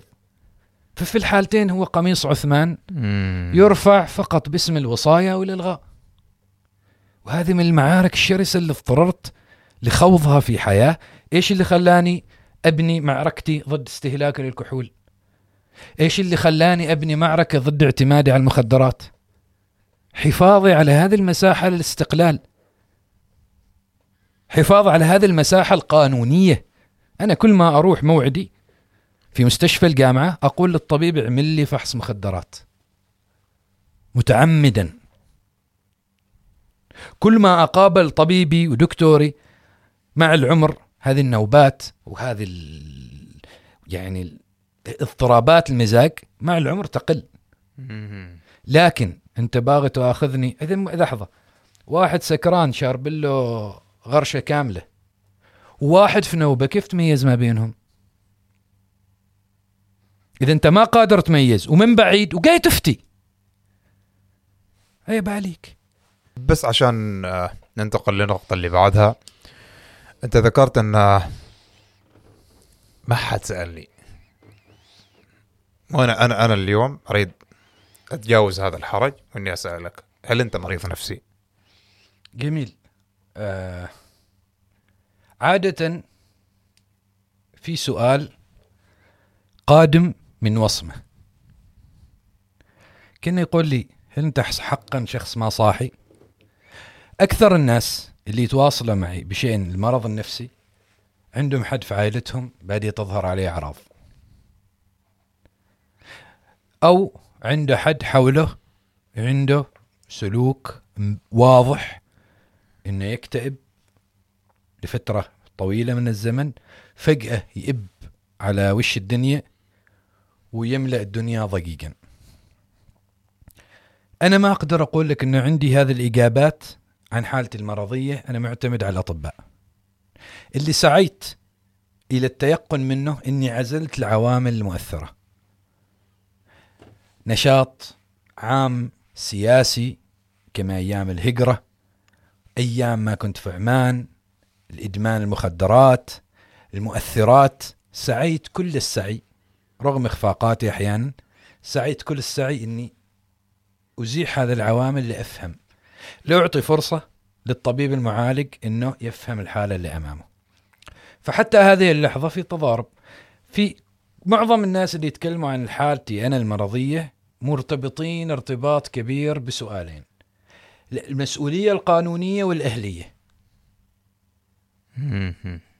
فهل هو مسؤول عن اللي يسويه؟ هل هو ذكي ويدعي ذلك ليهرب من المساءلة؟ هل هو حقا كما هو يزعم إنه حد عالق علاج غلط؟ هل واجد أسئلة مرتبطة بهذين المحورين؟ أنت وكيف تعيش عادة ما يكون مهم. الخلاصة اللي أنا وصلت وصلت لها ما صار مهم بالنسبة لي الليبل الإطار اللي تضعه حول اختلافي عن الدماغ النمط والمعياري ما صار مهم.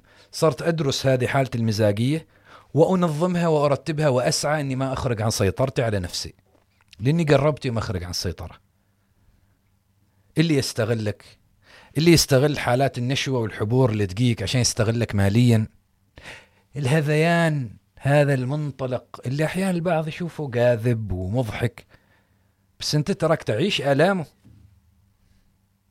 خروجك عن سيطرتك واجد يبقى تبقى في حالة خوف من نفسك.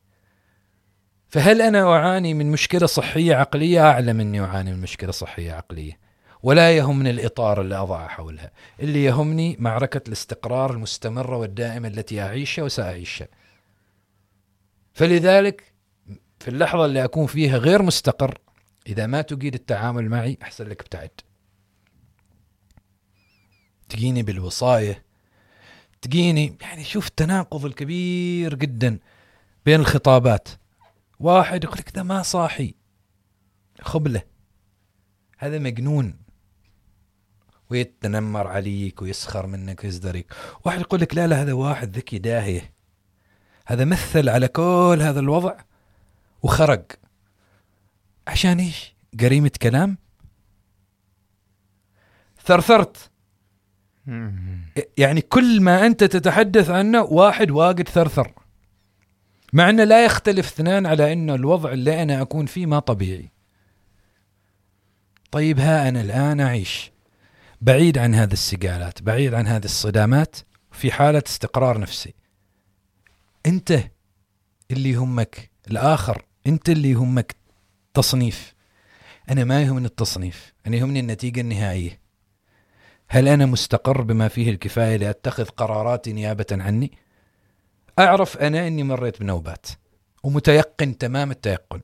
حد من الأطباء إيش يقول؟ يقول هذا اضطراب الشخصية الحدية وممكن يتحول إلى ثنائي القطب. حد يقول لا هذا اضطراب ثنائي القطب لأنه عشر سنوات هذا الإنسان في تقلبات وما ظهر عليه سلوك عدواني.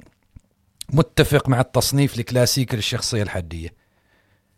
سؤال يدور حول المسؤولية الجنائية والمسؤولية القانونية والأهلية. ما ماشي السؤال آخر. كان يقول لي ألغيك أتعامل معك وفق الوصمة الاجتماعية أتعامل معك أن ما عندك أهلية عن ذاتك. وهنا ستجد أنه الكيان المؤسسي لديه من النصوص ما تكفي لكي تتبين أنت هين مسارك. معاوية اسأل نفسك. أرجع المخدرات؟ وأنا عندي هذه الحالة؟ أد أد أجازف بنفسي مع الكحول؟ أجازف بنفسي مع مضادات الاكتئاب زيادة عن اللازم؟ أدخل في محيط قلق ومرتبك الآن لدي شبكة أمان عائلية هي الأكثر العامل الأكبر في استقراري. أما أنت أيها الآخر لم تكن معي في أزماتي. ما أصدق تعاطفك ولا تهمني إدانتك. ومشاعرك هذا حقك. حقك إنك أنت تعبر عنها وحقي إن أنا أغلق الباب في وجهك. فلو تسألني ما هو المرض اللي أعاني منه؟ أعاني من اضطراب في المزاج. تصنيفه الطبي ما أعرف. شيء اطباء يقولوا ثنائي القطب وواضح وشخصوني في حالة نوبة وشهدوا عليها لجنة طبية وفي أطباء ثانيين يقولوا لا هذا اضطراب الشخصية الحدية ولا يعفي من المسؤولية الجنائية. فالآن ما الآن نحن ما أمام مسؤولية جنائية.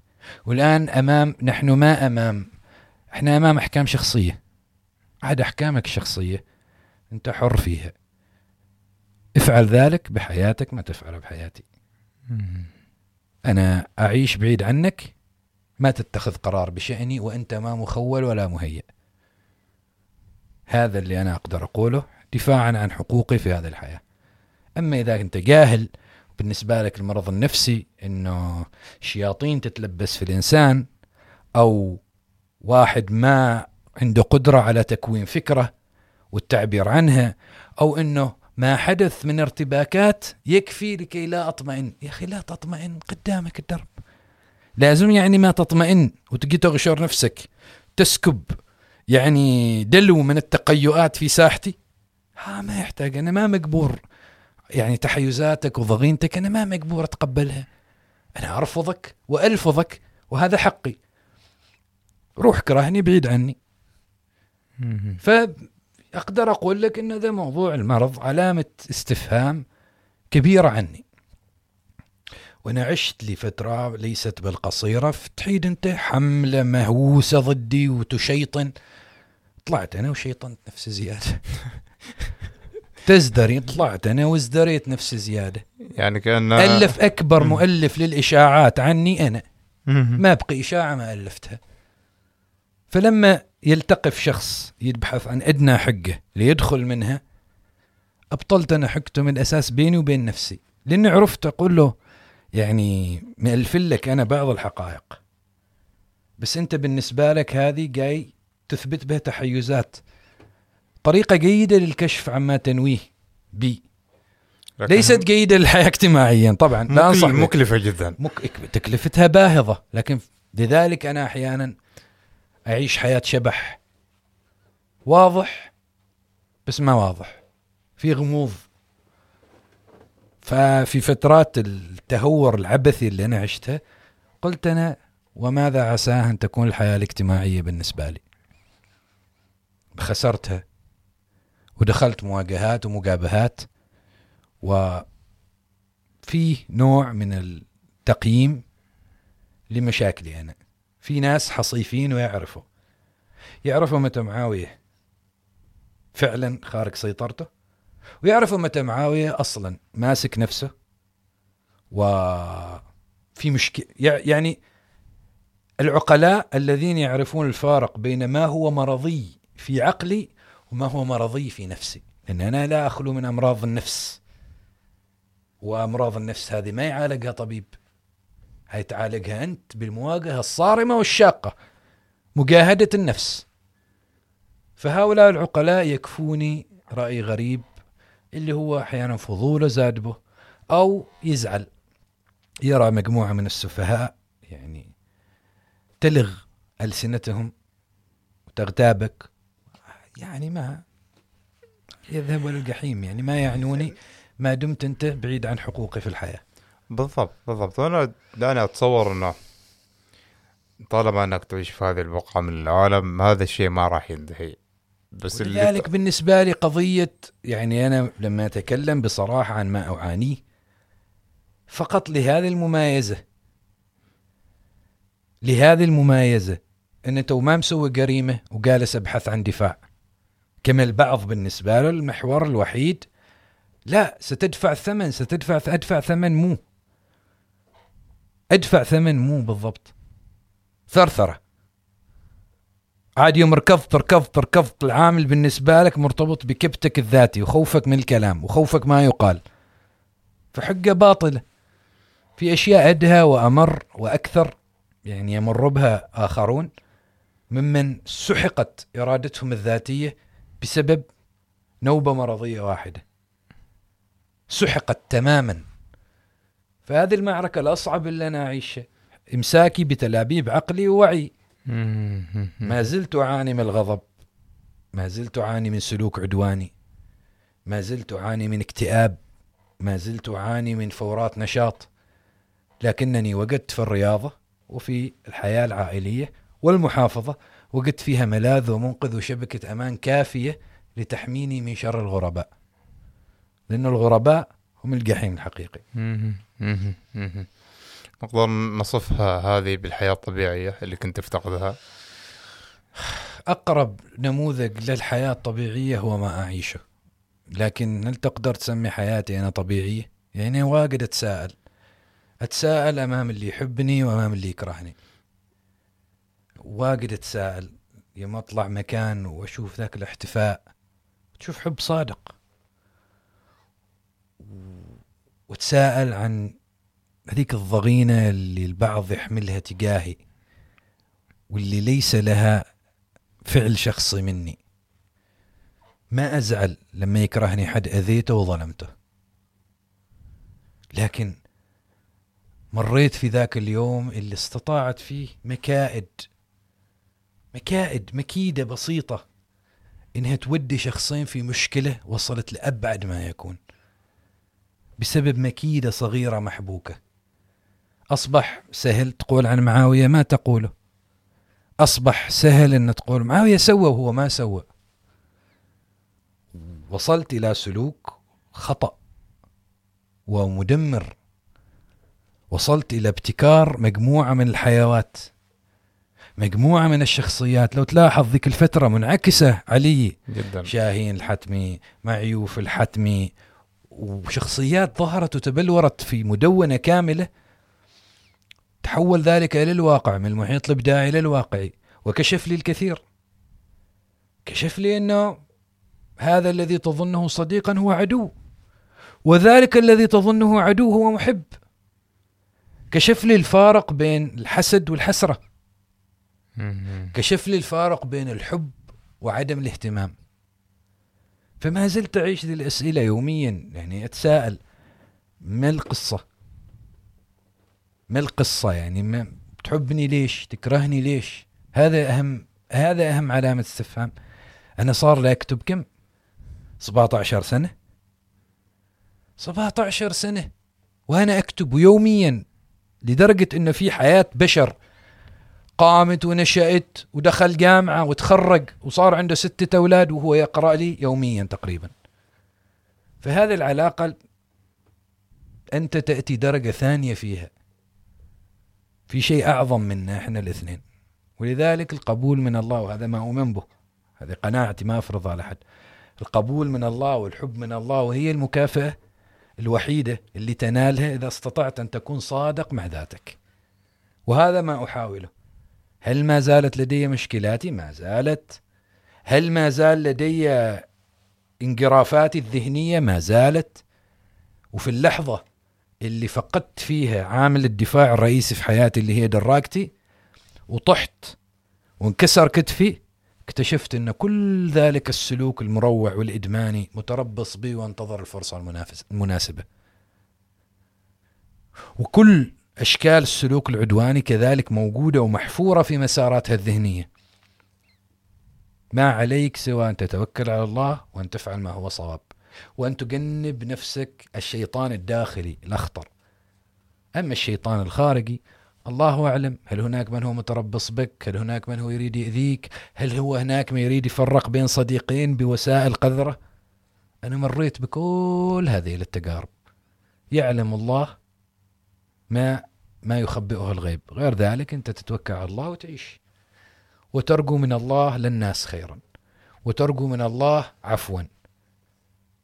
هذا اللي قدرت يعني أستقر عليه وهذا اللي أجاهد النفس على أن أثبت عليه.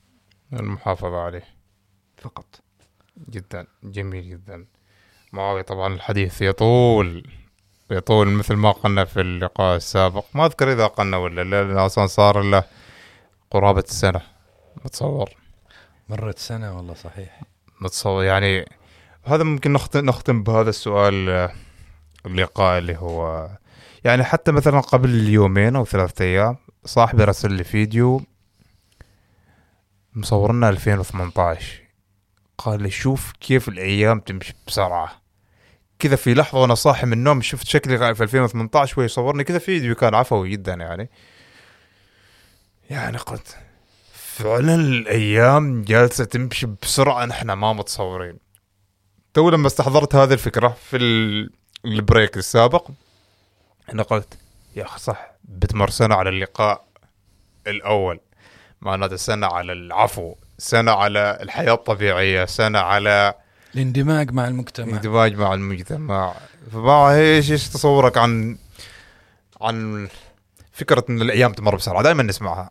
ما أعرف إيش تصورك عنها. سؤال الوقت سؤال الزمن كسؤال الحب. آه سؤال صعب أكبر عني بكثير. لكن هل لك أن تتساءل لماذا أقول الحياة هجلو؟ كلنا متفقين بشكل ما أنه يجب أن نفعل شيئا ما في هذه الحياة وهذا العمر. ويمر. سريع وتسألني أمس كأني كاتب أول تدوينة. كنت في دارسيت متحمس إنترنت. أول مرة أنشر اللي أبغاه. لا يقولوا لي عدد كلمات ولا يقولوا لي كاتب الكلمة الفلانية. في كسر كامل لهذا الحصار اللي كنا نعيشه وقتها. فالوقت ما أعرف كيف أتعامل معه سوى بأن أعيش اللحظة. أعيش كل يوم بيومه وأدرك أنه جئت لهذه الحياة. والله سبحانه وتعالى خلق البشر لسبب.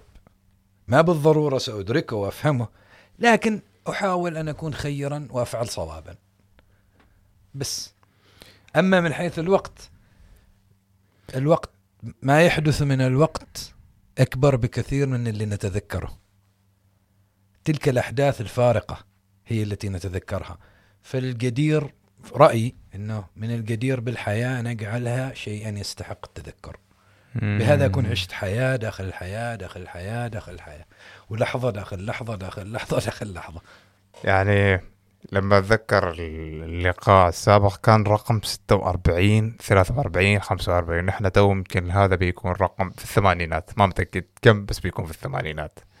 يعني ضعف عدد الحلقات. وفي فكرة أيام أخرى. تمضي وعمر يمر. مره والم... مره كنت والمهذون آه، لا يزال مرة كنت بتصل بأستاذ سيف الرحبي. كنت باغي أشوفه باقي أسمعه. قال لي ها معاوية كيفك؟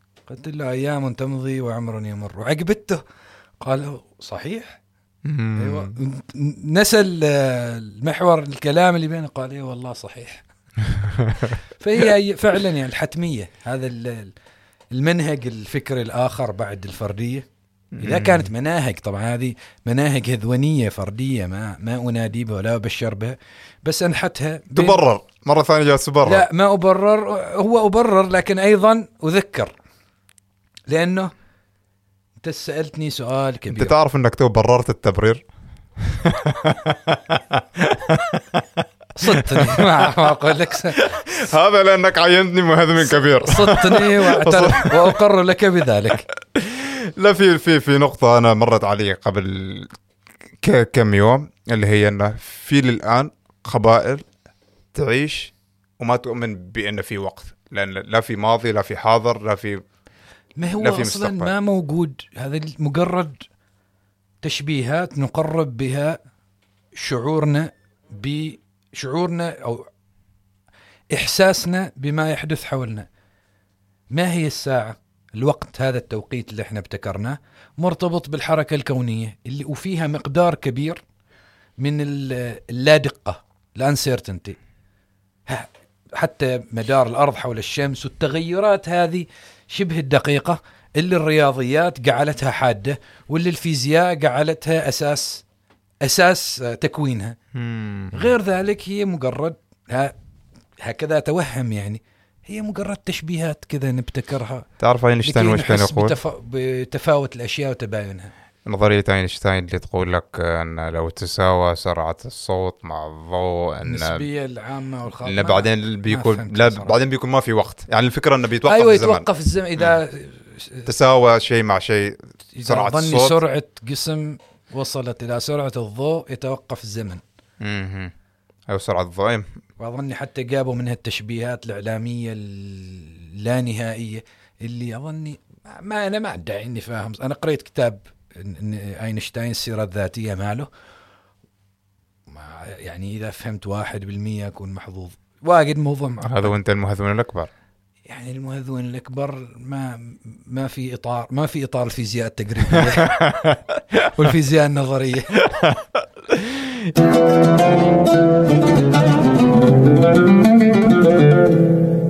ونرجع بعد فاصل قصير. آه معاوية يعني في مواضيع كثيرة جدا. حتى لو تلاحظ أنا خليت الورقة تحت لأنه كل موضوع يطلع لنا موضوع ثاني.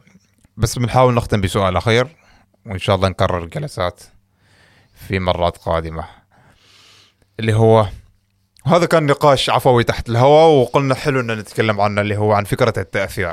أنا سألتك هل- متصور قوة وكمية التأثير اللي أنت ممكن تحدثها أو اللي أحدثتها في فترات كثيرة سواء بالكلمة بالتدوين بانواعه هذا سؤال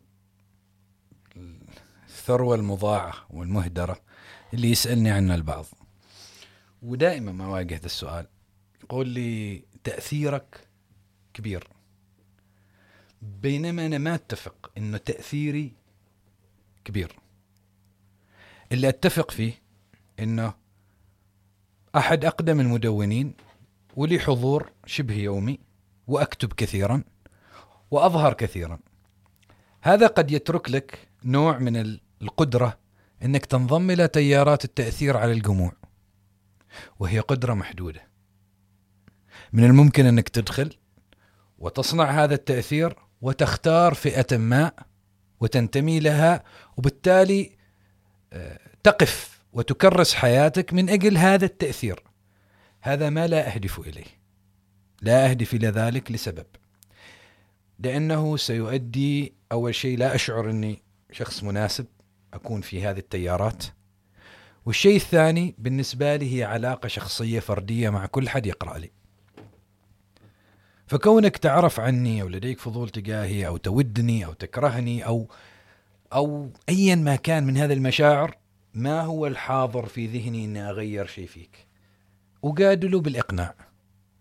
ولسنوات طويلة كانت مجادلتي لها أهداف عبثية جدا.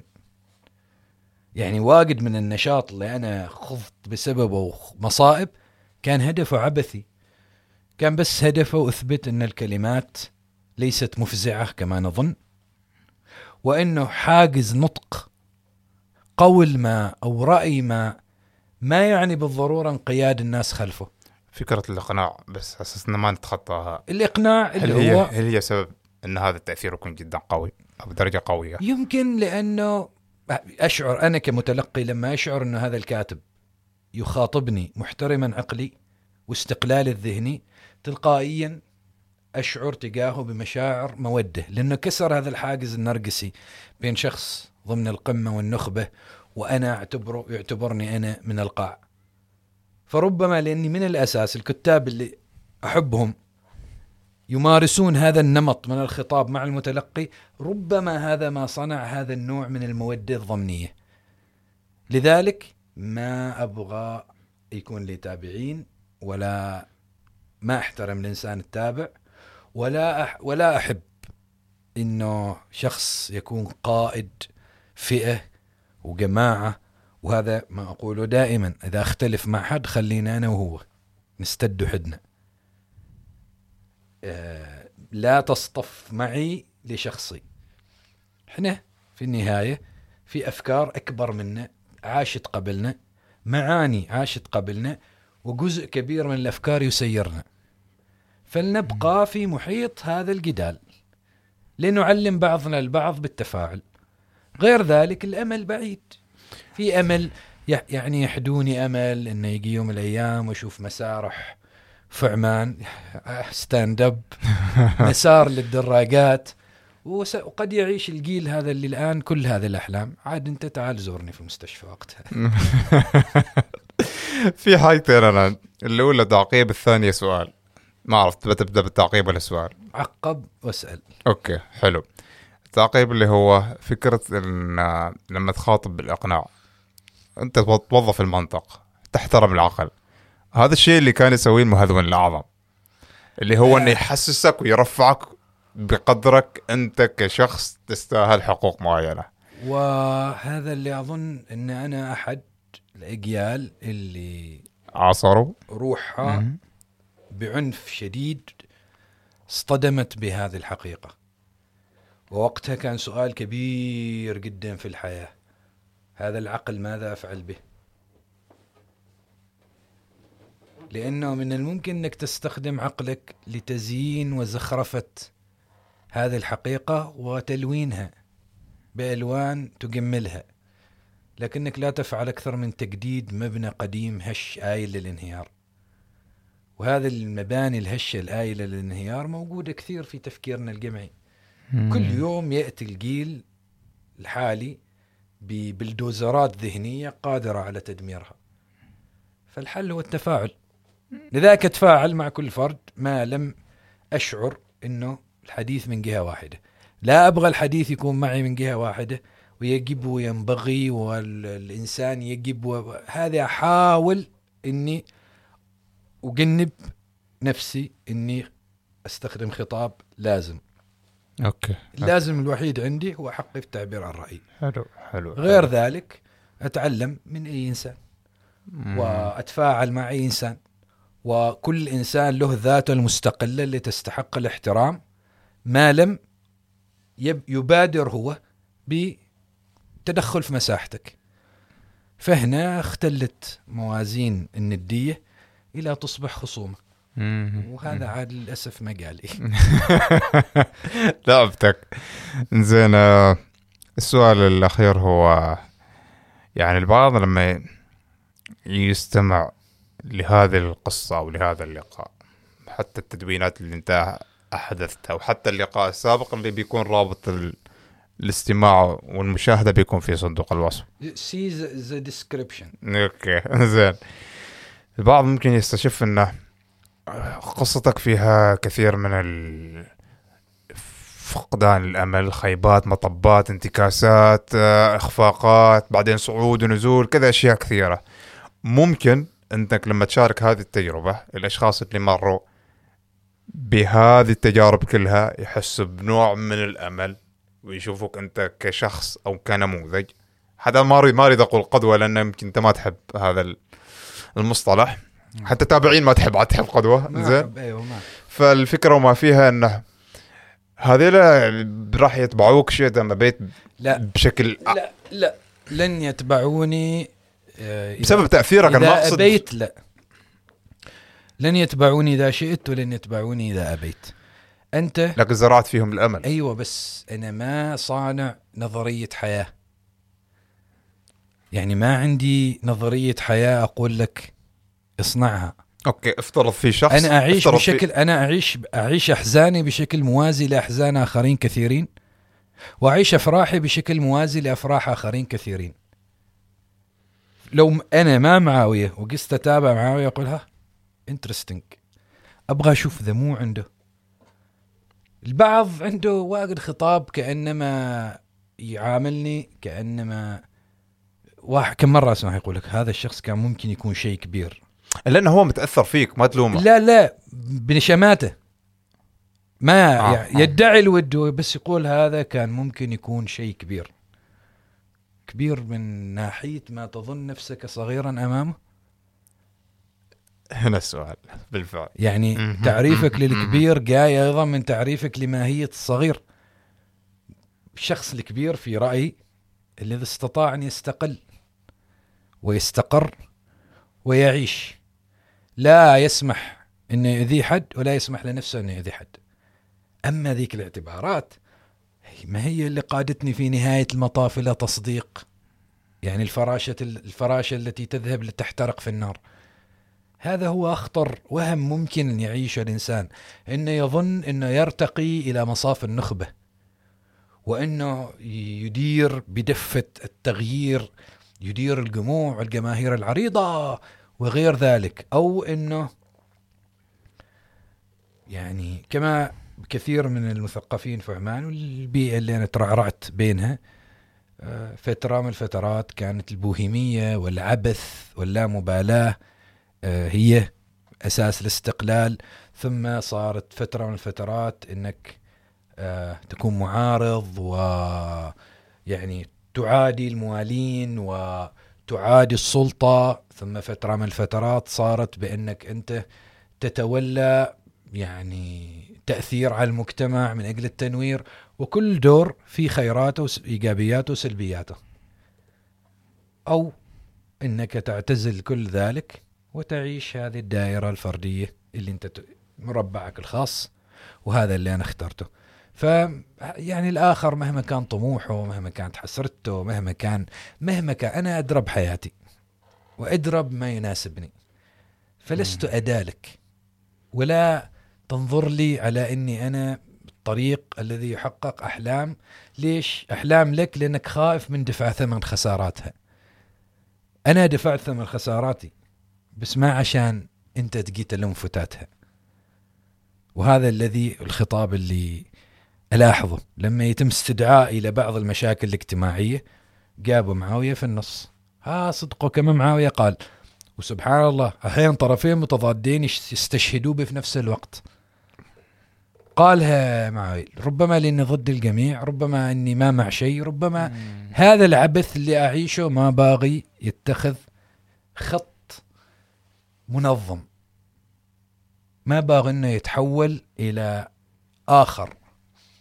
آخر لا يقربه ولا يتبعه ولا يقتدي به باغي حقي بس. حق أعيش قانوني غير ذلك لا تعتقد إن من حقك إنك تستغل جنوني لمآربك هذا اللي أريده من الآخر وهذا اللي أقف دائما في الخيط الفاصل شعرة الشعرة بين الجدال والخصومة. انت في كل مرة يعني تعطيني إجابة أو تعقيب أو اللي يكون أو حتى هذه السوالف تطلعني أسئلة كثيرة. فأنا أفضل ان نختم. سأل لا لا اسأل من باب الفضول. لا أوكي شوف. وحذفه عادي بعدين. اذا سؤال ما حلو ما عجبني. لا. آه لا لا إحنا أنت تسوي بثوث. الرقيب أنا. الأخ الأكبر. أيوه. لكن شوف أنا المهذون الاكبر من أجل مصلحتكم. تعرف اليوم كنا نحن في نقاش مع الأستاذ خميس العدوي. جبنا آه. فكرة الأخ الأكبر وتناقشنا موضوع الرواية 1984 يقول نحن ما نحتاج إلى أن انه يكون معنا موجود أخ الأكبر. هذا هو الأخ الأكبر التلفون الاخ الاصغر ممكن صاحبك اللي جنبك هو يكون الأخ الأكبر حالك. وأنت الأخ الأكبر حاله فما هو هذا موضوعنا موضوعنا اللي هو مرتبط ب ال- المثقف أو الشخص اللي يعتقد نفس آه، يعتقد نفسه من النخبة أو إنه يصعد لذاك ذاك السلم. النقطة اللي أريد أوصلها هي في مقولة لستيفن هوكينج كان يقول إنه ليس أشد من الجهل إلا وهم المعرفة. ف ما أعرف إيش نظرتك هل هل هو وهم معرفة أم إنه هو جهل أم إنه هو نرجسية هي بيئة جاذبة يعزز فيها كل إنسان نرجسية الآخر و يعزز كذا شعور الهدف المشترك الكبير وأحيانا يصنع فيها واقع مثال مثالي غير موجود. يعني مثلا دائما المثال الشهير بين تيار الديني ومثلا التيار السلطوي. هذا يحتج بمثالية إن أف أفضل ما كان يجب كان وحادث وذاك يحتج بإنه لا ما صار. وطيب والواقع اللي إحنا فيه هو حديث هامشي. إيش هو الممكن وغير الممكن؟ حديث هامشي. إلين تلقى كلمة لكن المفروض ولكن يجب لما تس... لما بس تصيد. هذه كلمة يجب مفروض لازم ذيك الساعة أنت خرجنا من كون النقاش إلى إملاء ما يجب أن نفعله على. بعضنا البعض. وما صار جدال ولا نقاش ولا كل واحد معتبر لا لا, لا واضح إن أنت بسياق جمعي مسمني من المجتمع ومسمني جاهل ومسمني ما أفهم ومسمني إنه ديني ناقص إيماني ناقص وطنيتي ناقصة. آه، مأطرني في هذا الإطار وجاي أنت تكملني. بعدك لو اللبس آه، نسبت لي ما فيه اللي هو إن كلنا ناقصين وكلنا يعني ناقصي الكمال وكلنا ما مثاليين بعدك سكتنا. أنت كملت فيها إنك لا أنت اللي جاي. قل للغياب نقصتني وأنا حضرت لأكملك. أنت جاي تقول إنك جئت لتكملني. فخطاب إيجو. وما أبرئ نفسي عانينا منه لكن إنك مم. تنتبه له اظن إنه أفضل منك تعيش أفضل وأنفع لك من مم. إنك أنت تعيشه لين تكتشف الدرس الصعب إنك الناس الذين تراهم صغارا يرونك صغيرا. مهم. الحقيقة الفيزيائية البديهية ما هو يا رواحي المهذون الأكبر اللي عمل انقلاب على الدولة العثمانية تخيل الساعة 12 بالليل نحن جالسين. آه أهلا أنا عملت انقلاب. مو هناك. هم يسميه انقلاب بس أنا أسميه تدوير صلاحيات بس. تخ- تخيل لا لا تخيل. هم كنسل المجلس السابق عين نفسه سوى بيان عيني أنا وعين هذا بدون استشارة بعدين أقول ما انقلاب. هي تدوير خبرتك تدوير صلاحيات. أنا فقط أخذت كل الصلاحيات. هذا انقلاب؟ انت بعد المنطق كذا يقول أيوه. خلاص هو البوس في البوس. لا شوف. هذا ما انقلاب. لا شوف أنا بخبرك حاجة. آه أنت هنا تستخدم قدرتك اللغوية. اللعب بالمصطلحات ما يغير الفكرة ما يغير المعنى. هذا ما انقلاب. هذا فقط إني أخذت كل الصلاحيات لنفسي. أنا أثبت لك إنه انقلاب. كيف؟ جاء لك شفت انقلاب يستوي في وضح النهار؟ ماشي كلنا 12 ونص من الليل. الساعة 12 ونص من الليل جاء راسل لك الرسالة ومسوي جروب بعد. صدفة هذه صدفة بس صدفة هذه. فقط صدفة حتى لا, كذا. لا أكثر يعني. معاوية شكرا. شكرا جزيلا الله يخليك. وأحييك كصديق. وأقول لك أيضا أنه وأذكر الجميع أنه أنت لست إعلاميا. أشكرك. ولا أجلس الآن مع إعلامي. أشكرك. أنا أجلس مع مدون يوتيوبر وحاليا صار مهذون كبير. من دكتاتور وانت تو تسميه تقول مسوي انقلاب. لا لا لا بعدنا ما جلسنا ما سوينا اجتماعنا. المهم صلاحيات. واضحة وسوف تحدد كل شيء. اللي أبغى أقوله إنه ال- الذي يدفعني للارتياح في الحديث هنا عدم وجود توجه مسبق يجبرني إما إن ما أدافع عن نفسي تجاه ريبة تضعها في وجهي أو إني أدعم يقين أنت تضعه في الطاولة وتقول لي هو الصواب. فأحييك من هذا المنطلق. الله يخليك. وأتمنى لك التوفيق يا محمد. جميعا إن شاء الله. أنا أشكرك انك لأن شوف التواصيف اللي سواء مثقف إعلامي أستاذ دكتور هذه تحطك في إطار معين وهذا الشيء إطار معين ما تقدر تطلع منه بعدين. يعني هذا الشيء اللي أنا وايد حرصت عليه من بداية البرنامج إنه مثلا لو استضفت دكتور أو طبيب بس أنا أريد أكلمه مثلا في الديمقراطية ولا في الحرية ولا في أي شيء ثاني.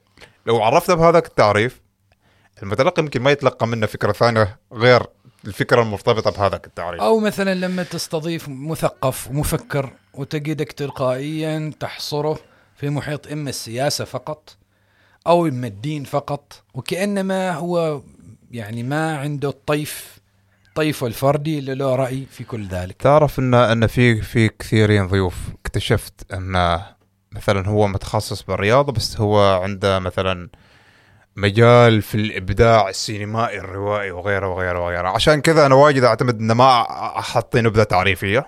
وهذا أفضل. الشيء اللي نحن واجد نركز فيه إنه نناقش أو نحاور الضيف من زاوية الناس ما متعودين عليها. يعني مثلا أقرب مثال ويمكن أوضح مثال الشاعره الأستاذة عايشة السيفي. معروفة في الشعر في الأدب والحلقة أساسا كانت فكرتها عن الأدب لكن في اللقاء كانت كلها عن الهندسة المدنية عن عن ما أعرف إذا ما شفت, الحلقة تكلمنا عن إنه لازم يكون في دراجات مسارات للدراجات. الحلقة. حلقة كانت جدا جميلة بتفهم كيف صارت التشكيله أنت البنيويه دي. تخطو في بحر الأفكار فيه كلها جاهزة لتقطف. بس إذا أنت عندك تحيزات وتوق... يعني مللك ليس مرجعية احتكام كمتلقي. صح أن للمتلقي حق هائل في الحكم لكنه ليس مرجعية احتكام ليفرض التغيير على جهدك. أنت ما تفعله كسلوك تدويني طبيعي. وجدا جدا طبيعي. وأظن إن المستقبل جاي بهذا الشكل يعني. ما أكيد. ما خلاص خلصنا من سالفة إنه آه، يعني استدرار ال- ال- التحيز. نتفق على تحيز معين ونشتغل عليه. ملل صراحة. بالضبط. لو باغين كذا كان نجلس في تويتر. أكيد أكيد أكيد. شكرا معاوية مرة ثانية. شكرا لك يا محمد. الله يخليك. اتمنى إنه يعني تكون لقاءات قادمه أتمنى أنه لا يمر وقت طويل قبل أن يكون هذا اللقاء في مسار دراجات مخصص. شوف أنت الآن مرة ثانية تبيع الأمل للناس. آه، في ذا الموضوع ما لنا- أبي أبى الرزبة في الشارع. موضوع مسار دراجات مستعد في الشمس. ما فقط للناس الناس اللي هم يسوقوا دراجات. آه ما ذا الأمل؟ هذا الأمل دفعت ثمنه كتف وما يشبه إعاقة أبدية. يعني ما معقولة. يعني والله تسوق سيكل في مسقط كأنك لص رايح يسرق. لا لا لا عملية انتحارية تعتبر. أنا يعني- اعتبر أنا جربتها. عملية انتحارية. انه إنه فعلا يعني وحلول هندسية ما صعبة إنك أنت تخوز للاختناقات. لكن للأسف الشديد يعني عسى الآن الاتحاد الاتحاد ماسك الموضوع عسى. اتحاد مشي الاتحاد العمال للدراجات موضوع معقد ترى هو. يعني سبع ثمان جهات. الإسكان وتخطيط المدن والشرطة. يعني فاهم يحتاج عشان كذا أقول لك أنت تبيع أمل. أبيع ونص دقيقة مسارات ما مستعد آه. ييأس من الدراجات بس أتمنى إن شاء الله إن شاء الله. اتمنى انه كلنا بنستفيد كلنا بنستفيد. أتمنى إنه بس وإحنا بعدنا ما في القبر. بس. أتمنى قبل لا أموت يعني. هذه أنانيتي أنا الفردية. أنت لو بس أتمنى بسرعة يقل المسار. إن شاء الله إن شاء الله إن شاء الله. حسابات الضيف بتكون موجودة تحت كلها في صندوق الوصف. وأيضا رابط اللقاء السابق رابط الاستماع لهذا اللقاء ورابط القناة اليوتيوبيه ماله كونه هو أول يوتيوبر في عمان من 2006 آه، على حسب ما أنت خبرتني ما أعرف. اي اي اي 2008 أنا بادي 2008 أيوه قناتي في 2008 لا عبد شندي قبلك. شندي 2006 الحمد لله شندي برأت. من التهم إيه إيه إيه إيه شندي أنا خلطت. لأن كنت كانت لقاءاتكم في نفس الفترة تقريبا. أنا بديت كذا. لا لقاءاتكم أقصد في البرنامج معنا في نفس الفترة أنا الزمن. بديت آه، بشكل عبط كذا ارتباطي تفاجئت انه صارت ردة فعل وكذا ورجعت من التدوين المرئي إلى التدوين المكتوب. جميل جميل جميل جميل جميل. like share subscribe نشوفكم إن شاء الله على خير. السلامه